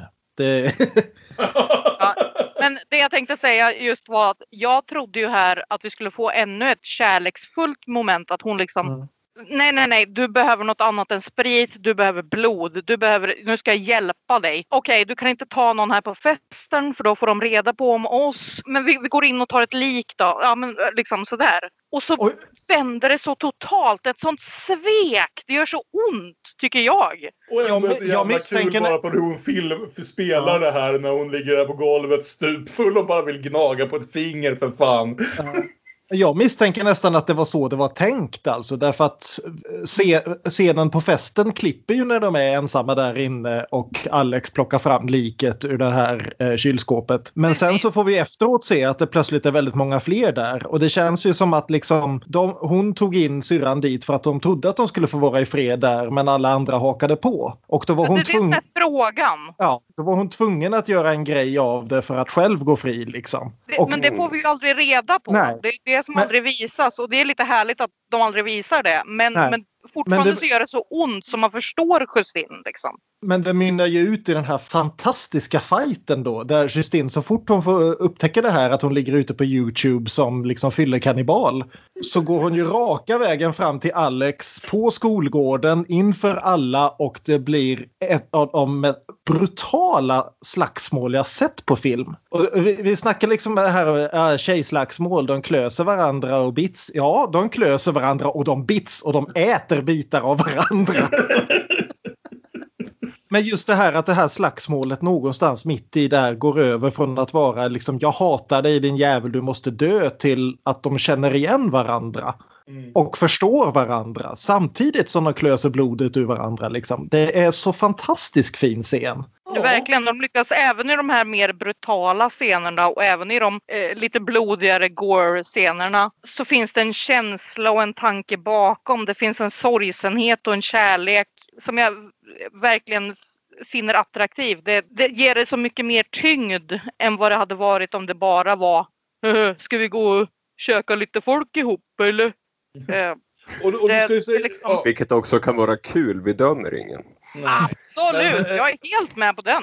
Ja, men alltså, och, och det har ju någonstans såklart varit lite av en drogmetafor i allt det här liksom ätandet av folk. Inte minst i när hon har en sån här eh, scen där, försöker, där, där hon liksom försöker hålla sig från att äta folk och då får en total trainspotting-upplevelse. När hon ligger och våndas under täcket och liksom får abstinens av bristen på mänskligt kött i sitt system. Det var ju också den eh, scenen som hon tyckte var svårast att spela in och de använde ju trainspotting som, alltså regissören använde ju trainspotting som inspiration för att Oh. bara, hur ska jag tänka när jag gör det här? Och då nämnde de scenerna i trainspotting när de går igenom abstinens och så vidare. Det, det är möjligen nästan min enda kritik mot den här filmen, att den scenen är lite väl lik den i Trainspotting. Liksom, eh, vilket gör den kopplingen mellan mänskliga kött och drogmissbruk lite, lite, lite, lite övertydlig. Men Mm. det är ju här någonstans också som filmen börjar göra sådana klipp, att när hon börjar missbruka såväl mänskligt kött som alkohol som sex, så börjar vi också få de här klippen där det liksom klipper konstigt och sen får vi reda i efterhand på att något har hänt. För Ja. nu händer ju det liksom igen för vad som blir filmens egentliga klimax. Jo, men, men jag måste bara säga det också att jag, jag gillar verkligen det med hur de spelar den här grejen. Att det inte är en fråga om att du är en del av det här, du måste acceptera vem du är. Men det är också inte så att stora syran har full kontroll över det här. Nej. Och, och det är inte det att stora syran är någon sorts proto-idiot som liksom du måste inse att vi är bättre än dem. Utan det är verkligen det här. Det här är någon jävla grej som går i vår familj. Vi har det här tillsammans. Du måste lära dig hantera det men det är fan inte kul. Nej, hon har bara det levt eh, lite längre. Ja, Men, men hon är inget eh, geni på det här heller. Hon är inte Nej. Dumbledore liksom. men som Kalle sa, nu kommer vi fram till klimaxen här då. Hon vaknar upp Ja. bredvid sin bästa kompis slash knullkompis Adrian och eh, tänker att jaha, blev det så här igen? Ungefär. Och det här är ju en ganska klassisk skräckscen. Den börjar ju fint. Det är så här Mm. varmt ljus. Hon ligger och tittar på honom. Han är så fin. De vaknar ihop. Även om de kanske Mm. bara ska vara vänner så är det en sån kärleksfull glow över hela scenen. Tills. Tills det börjar rinna blod ur Adrian. Och hon upptäcker att i princip han är, dö- in, han är inte bara död utan halva hans ben är uppätet. Det var inte ens chockerande. Det var hjärtbristande. Det var, Ja. Det var en liten bit av min själ som försvann där. Fast, Ja. fast på ett bra sätt tänkte jag säga. Men alltså. Mm. Ja. Det var så för att man kände smärtan hos henne. Att, vad fan har jag gjort det här? Har jag, är det Ja. jag som har gjort det här? Vad är det som händer? Herregud, hur kunde jag? Hur kunde jag? Hur kunde jag? Ja, hon men, inser att hon har inte gjort det här. nej, för, för ute i köket sitter syrran och spelar tv-spel med blod över hela ansiktet. Och ser helt jävla däst ut. Ungefär som man kan göra efter en julmiddag eller något liknande. Ja. Jag gissar att hon kanske aldrig har ätit en sån här ordentlig mängd med kött förut. Ja, men, men jag älskar också det som Ella Rumpf som spelar Alex gör här. Liksom bara, det här bara den här konsten att kunna skådespela med ögonen. Hon, Ja. har, hon har någon grej hon gör här där pupillerna rör sig oberoende av varandra. Som är liksom verkligen det här signalerar att hon mår inte bra. Det är liksom, hon har gjort det här därför att hon vet att annars skulle syrran behöva göra det. Hon, ser sam- hon ser ut som ett djur samtidigt som hon ser hjärndöd ut. Alltså det, Någonting har brustit i henne. Ja. Och, och vi får den här fantastiska scenen då där Justine hjälper sin syster in i duschen och tvättar av henne blodet. Och sen klipper vi till Alex i fängelse. Har Och jag tyckte den dusch, duschscenen också gjorde ont. Det var så fint. Det var på något sätt eh, förstående och jag måste ta hand om dig. Ja. Liksom, jag ska bada min Mm. syster för att nu är det jag som tar hand om henne. Ja, det- den är en eh, lite emotionell berg och den här. Alltså just i det här att jag tycker den är ordentligt rolig på sitt eget bisarra sätt i långa bitar. Men sen blir den också väldigt rörande i just det här syskonförhållandet. Så nej, det en De får Ja. till balansen så fint. så otroligt känsla för, för ton liksom som jag är helt förundrad över. Men det för oss i alla fall fram till filmens sista scen som är får räknas lite som något av ett twist-ending ändå. Eh, De är i fängelse först. Ja, Mm. men, eh, men, men ja, vi nämnde det. Som kortast som sagt. Eh, Alex åker i fängelse för mordet på Adrian. Justine åker hem med mamma och pappa. Och pappa har något att berätta. Mm. Nej, förlåt. Det, vi måste flika in den fina fortfarande systerförhållandet där. Ja. För att hon pekar upp sin halvt uppätna kind och bara du, du gjorde det här. Medan syrran då håller upp sitt avbitna finger för att peka finger och bara du, du gjorde det här. Men så har vi då pappans avslöjande och återigen jag älskar vilken timing Ducournau har här. Att, för, för som sagt tidigare scenen hade, tidigare i filmen så hade vi ju den här scenen då det, ni ska, kommer inte ut förrän ni har gjort grönt. Där vi då ser Justin bita av en bit av läppen på killen i fråga. Och här så inser vi då precis sekunderna innan pappan berättar vad han ska berätta så kameran zoomar inte ens in på det. Det blir plötsligt bara tydligt någonting vi har sett genom hela filmen men inte har tänkt på nämligen att han har ett rejält jävla ärr på överläppen. Mm. Och Ja, man, vi, vi har trott att han är ha, Ja. Precis, man har ju trott att han bara är harmynt hela tiden och det är ju inte något konstigt med det liksom. men här så trillar liksom poletten ner precis sekunderna innan han säger det. Nämligen att det här är någonting som går i vår familj. Vi skulle ha gjort ett bättre jobb med att hitta en lösning för dig. De försöker göra en lösning genom att göra dem till vegetarianer, antar jag. Genom att Ja. själva låtsas göra veget- vara vegetarianer.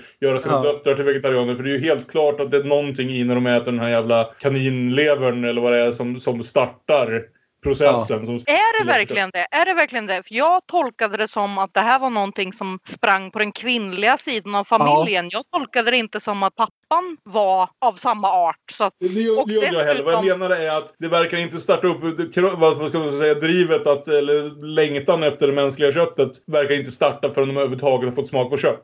Och det är därför de har Ja, försökt hålla ja, döt- ja, döttrarna ja, som vegetarianer. Och det, det, är ju, det är också en replik som finns tidigare när de diskuterar vad som ska göras med den här hunden som då officiellt åt upp syrrans finger fast den inte gjorde det. när, när, när pappan förklarar liksom nej men det är bara att avliva. En hund som har fått smak på människokött det vänder du inte tillbaka. Det är John Wick all over again! Ja. Och, och, så, och så öppnar då pappa skjortan och vi inser att ja, deras mamma har ätit småbitar av pappa i 20 år. Och precis där, i bästa Cronenberg-stil, vet Ducournau precis när man slutar en film och slutar den precis där och då. Ja. Inget fler, ingen mer förklaring, ingenting där. Utan det är bara smash cut till grav i blodrött. Perfekt. Ja, och det är så Perfekt. jävla bra. Jag Ja. älskar filmer som vet hur de ska Till sluta. och med, till, ja, precis, jag håller med.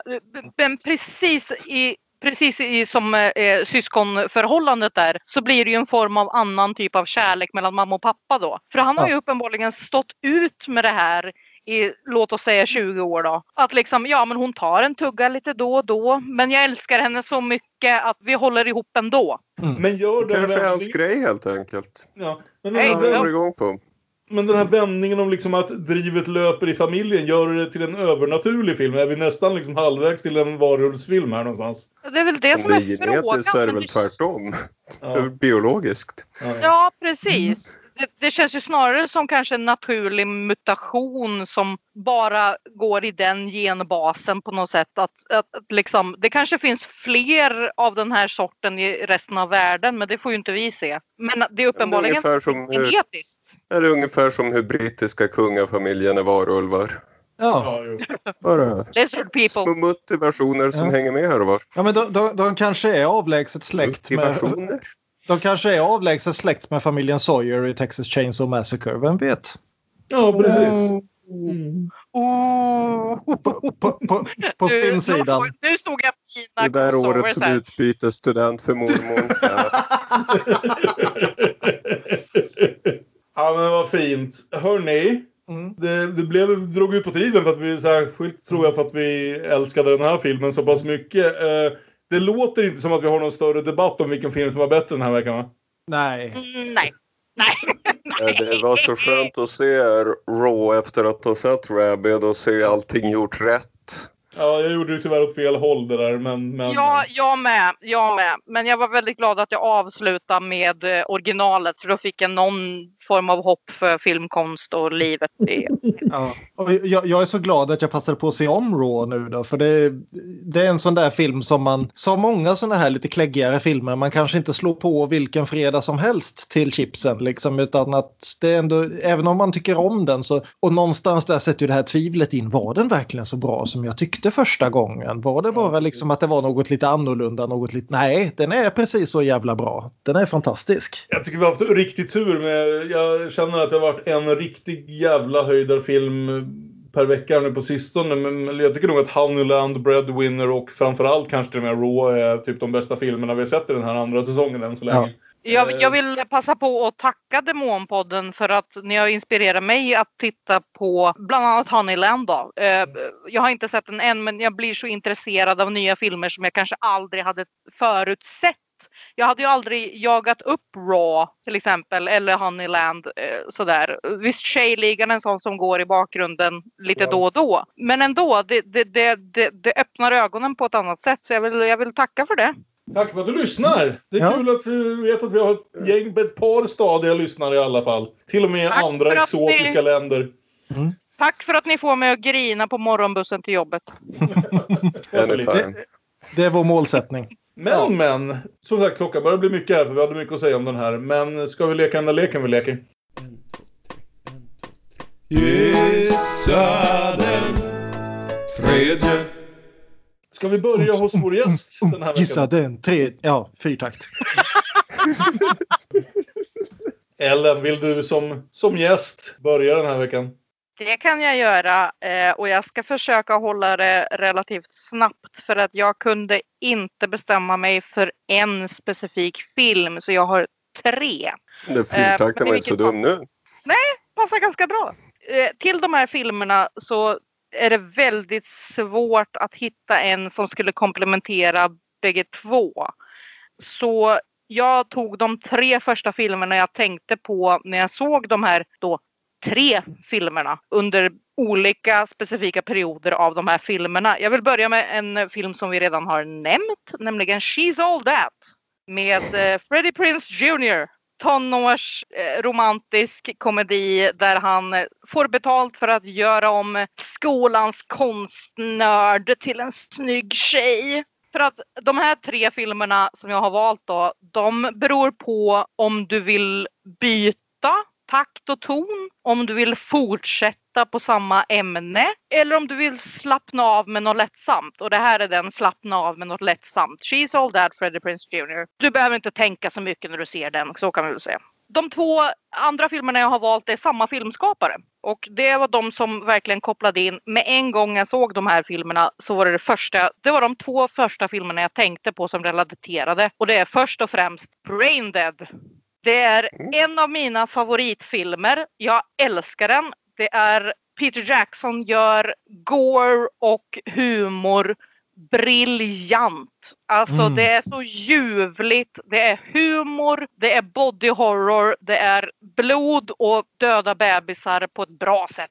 Sen den sista, den var just på grund av Raw. Så tog jag en annan Peter Jackson-film som jag av någon anledning började tänka på och det är Heavenly Creatures. Jag vet inte om det var syskonrelationen eller det lite mörka drama och mystiken som gjorde att jag började tänka på den. Men det är en fantastisk film och framförallt om man tänker på att Brain Dead och Heavenly Creatures är gjorda av samma man. eh, Två, bara två se år ifrån varandra. Precis. De tre valde jag för att koppla ihop med de här beroende på om du vill rensa paletten, som vi eh, svensköversätter det, eller eh, om du vill fortsätta på body horror. Björn, Ja, jag tänkte vi får ju haka på lite grann det här med eh, New French Extremity-grejen. Därför att fransmännen har ju ändå liksom varit inne på det här med body horror väldigt länge. Du kan ju gå tillbaka hela vägen till Le sans visage från 1960. Åh, den, som, filmen. Den tänkte jag på en del. den, den som på engelska heter Eyes without a face och som på svenska av någon dum jävla anledning heter De bestialiska. Vi- Vilket bara, Billy Idol gillar vi- den vilket, vilket bara gör att man rör ihop den med Le, Le Di- Diabolique från ungefär samma tid. Men eh, Det är inte den jag tänker tipsa om, men eh, jag tänkte dra fram en lite mer obskyr film från de här senaste 20 åren. Och det är då en film, och återigen jag ber om ursäkt för mitt franska uttal, för det här kommer att låta som att jag eh, sitter på en hockeyläktare någonstans, men Damma på. Det, det, det vill säga på engelska heter den då In My Skin, eh, vilket är en direktöversättning. Dans ma på någonting av eh, Marina Devan som väl annars är mer, mest känd för att hon har jobbat ihop med François Ozon en hel del. Och som då är en film om en kvinna som på en fest råkar snubbla över någonting och skada sig rätt rejält och inte märker det först och utifrån detta blir väldigt, väldigt fascinerad av sin kropps bräcklighet och läkeprocess. Vilket är ett snällt sätt att säga att detta är en film om eh, autokannibalism Lovely. som är fantastiskt vacker film på något vis. Det hjälper att den har ett soundtrack av Esbjörn Svensson Trio som då verkligen fångar in hela den här grejen med body horror. Just den här insikten att din kropp är en maskin av kött. Den har delar som kan sluta fungera, den har delar som kan ersättas, den har delar som kanske då och då inte känns som om de tillhör dig. Det, finns en fantastisk scen ganska tidigt i filmen när hon vaknar och har sovit illa, så hon har sovit på armen, så armen har domnat av. Och hon lyfter upp den här armen och tittar på den som om den är något helt främmande och inte riktigt kan förstå hur den hamnade där. Och efter det så går filmen liksom bara längre och längre in i det här nattsvarta och den är ganska bortglömd men fantastiskt bra film. Även om slutet är lite med. Men eh, den vill jag verkligen rekommendera så damma på. Kul! Det är så, jag Närifrån, älskar inget mer än när man får höra om liksom, helt, filmer man helt missat i det här Ja. segmentet. Två, 2002 precis, kom den. precis. 2002, okej.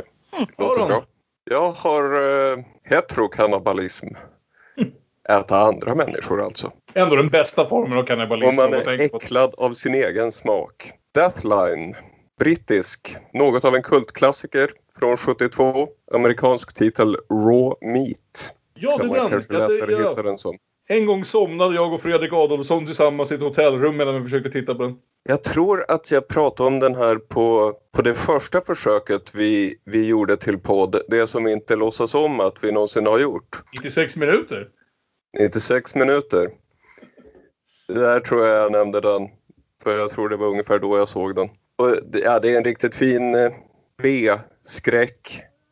Och också om det här, ja, om transhumanismen liksom är en tanke att vi kan nå bortom framsteg, framsteg. Vi ska övervinna mänskliga villkoren och bli odödliga och hej och hå. Så är ju liksom skräckgenrens uppgift att påminna en om hur, hur vi kommer att misslyckas med den skiten. Vi kommer aldrig att bli kvitt vår dödlighet, begränsathet, vår kroppslighet helt enkelt i all sin groteska äcklighet. Och eh, lite samma sätt tänker man på civilisationen. I den brittiska tunnelbanan så stängde man för hundra år sedan in några arbetare då och det visar sig att de har bott där, utvecklat en hunger för människokött. Och vi har den här huvudkannibalen där i tunnelbanan som bara kan säga tre ord.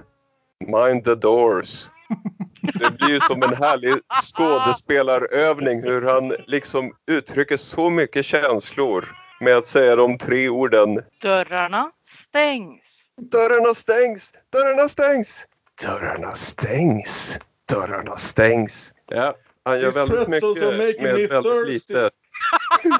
These pretzels are making me thirsty. Du har helt rätt. Eh, Jag har ett till citat från en filosof. Jag funderar på om jag ska ta det. Nej, vi skippar det. Det är för långt. Varför inte? Om Walter du på Benjamin. något sätt kan koppla det, koppla det till Die Hard så skulle jag uppskatta det. Men går inte det så kör ändå Aron. Det är vackert att lyssna på. Den döhårde Walter Benjamin eh, skrev om eh, den historiska materialismen, John McLean-materialismen som eh, den kallas ibland. Det kulturarv som den historiska materialisten överblickar, det är för honom till alla delar av en provians som han inte kan tänka på utan en rysning. Det har inte bara de stora genierna och deras mödor att tacka för sin existens. utan också deras samtidas namnlösa träldom. Det finns inget kulturdokument som inte samtidigt är ett dokument över barbari. Han ser det som sin uppgift att stryka historien mot håren. Vi kanske kan nämna också att Deathline har alltså både Donald Pleasence och Christopher Lee. Det, ja. Mm. Christopher Apropå halloween-tema. Mm. Borde ju Christopher Lee få en större roll i allmänhet. Ja, Deathline från 72 regisserad av Gary Sherman. Bra film. Jag började tänka lite på det här att man i många fall, alltså det finns gott om eh, bevis på motsatsen, men man kan ändå någonstans dela upp skräckfilmsgenren på det här viset att de filmer man kanske tänker på i första hand handlar i stort sett ofta om ett potentiellt offer som håller sig, försöker hålla sig undan från faran som finns där ute. Oavsett om det är Jamie Lee Curtis eller eh, Neve Campbell eller vad hon nu än heter i Motorsågsmassakern. Och sen finns det den här andra typen av filmer som vi har tittat på här ikväll där den person vi följer också är monstret så att säga. Och vi någonstans förväntas få en inblick och en viss sympati i hur det är att vara det här monstret. Och som jag sa, jag har tittat på en del andra skräckfilmer här under oktober månad också. Och ni vet redan allihop att ni ska ha sett Alfred Hitchcocks Psycho. Ni vet också att ni absolut borde undvika Gus Sands Psycho. Men vad ni kanske inte alla vet är att Psycho 2 är en riktigt bra film. Och Norman Bates blev ju ändå någonstans kanske en av de tidigaste välutvecklade, well, movie psychos. Eh, och sen så är det ju faktiskt så att Psycho är inte en film som riktigt faller in i det här, för i den ser vi Norman främst genom hans potentiella offer. Först då berömt Marion Crane och sen senare hennes syster och pojkvän och så vidare. Men Psycho 2 handlar helt och hållet om stackars Norman. Utslapp, utsläppt från mentalsjukhuset efter 22 år. Kom han hem till motellet och det där lite läskiga huset där ovanpå. Och ni kommer aldrig ana det, men folk börjar dö igen. Men frågan är ju, är Norman så knäpp att han inte ens vet om att han gör det här? Eller har någon kommit på att om man vill begå en massa knivmord så är det ganska smart att göra det i närheten av Norman Bates? Så man kan peka på Norman Bates och säga, jag tror Norman gjorde det. Eh, den är faktiskt oväntat bra. Anthony Perkins är i stort sett precis lika bra som han var på 60-talet. Filmen i övrigt håller väl inte direkt liksom samma klass som originalet. Men det är liksom en riktigt intressant utveckling av, av en klassisk film som inte tar alla de väntade vägarna utan ändå blir något eget och liksom någonstans försvarar sin existens som något mer än vi gör Psycho 2 för alla gillar Psycho. Mm. Så jag tycker faktiskt att ni ska ge Psycho 2 en chans. Ni kan även, om ni är riktigt, riktigt eh, inne på det här, ge Psycho 3 en chans. Det är dock snarare en av de här, vad ska vi säga, kvar, klockan kvart i ett på natten med en öl i handen-filmen, filmerna. Eh, kanske inte bra egentligen, men ganska kul och med en helt jävla maniskt manisk insats från Jeff Fahey som jag brukade ge ganska maniska insatser i skräck och genrefilmer på 80 och 90-talet. Vilket år vill, var den här eh, tvåan? Eh, 82. Okej.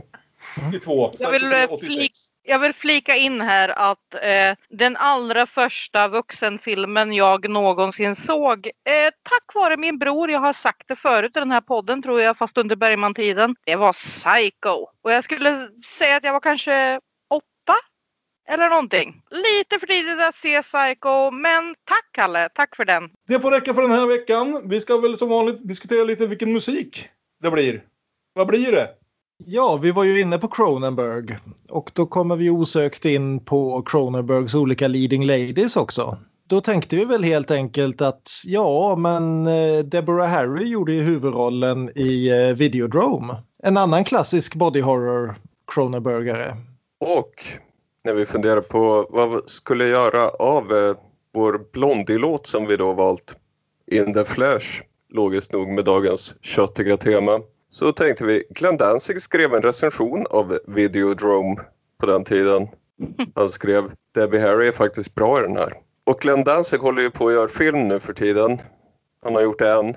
Och det, den andra kommer snart, Death Rider in the House of Vampires. Och i den har tvillingarna Soska roller. Jag vet inte hur stora roller, men de har roller.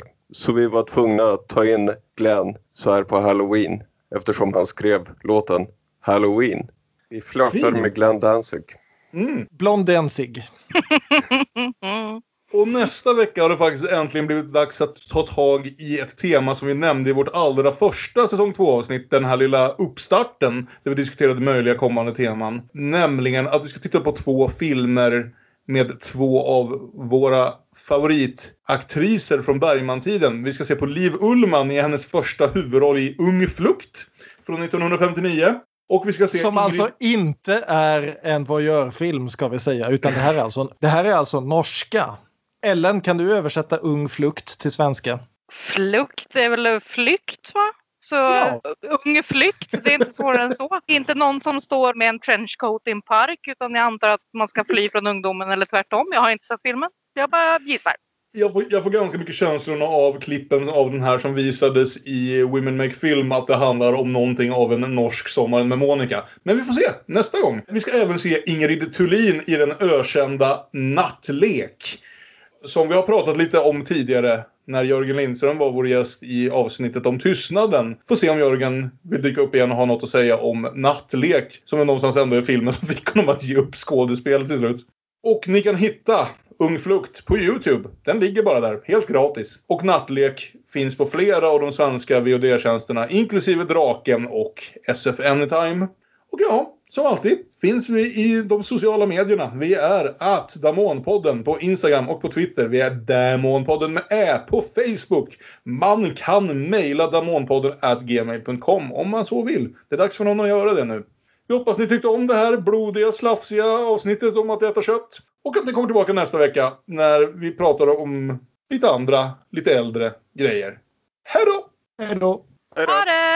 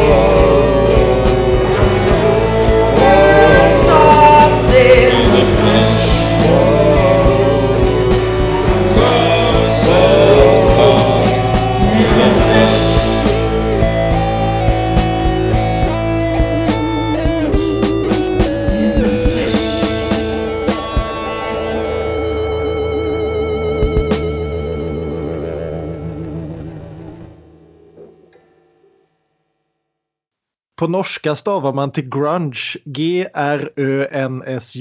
Jajamän.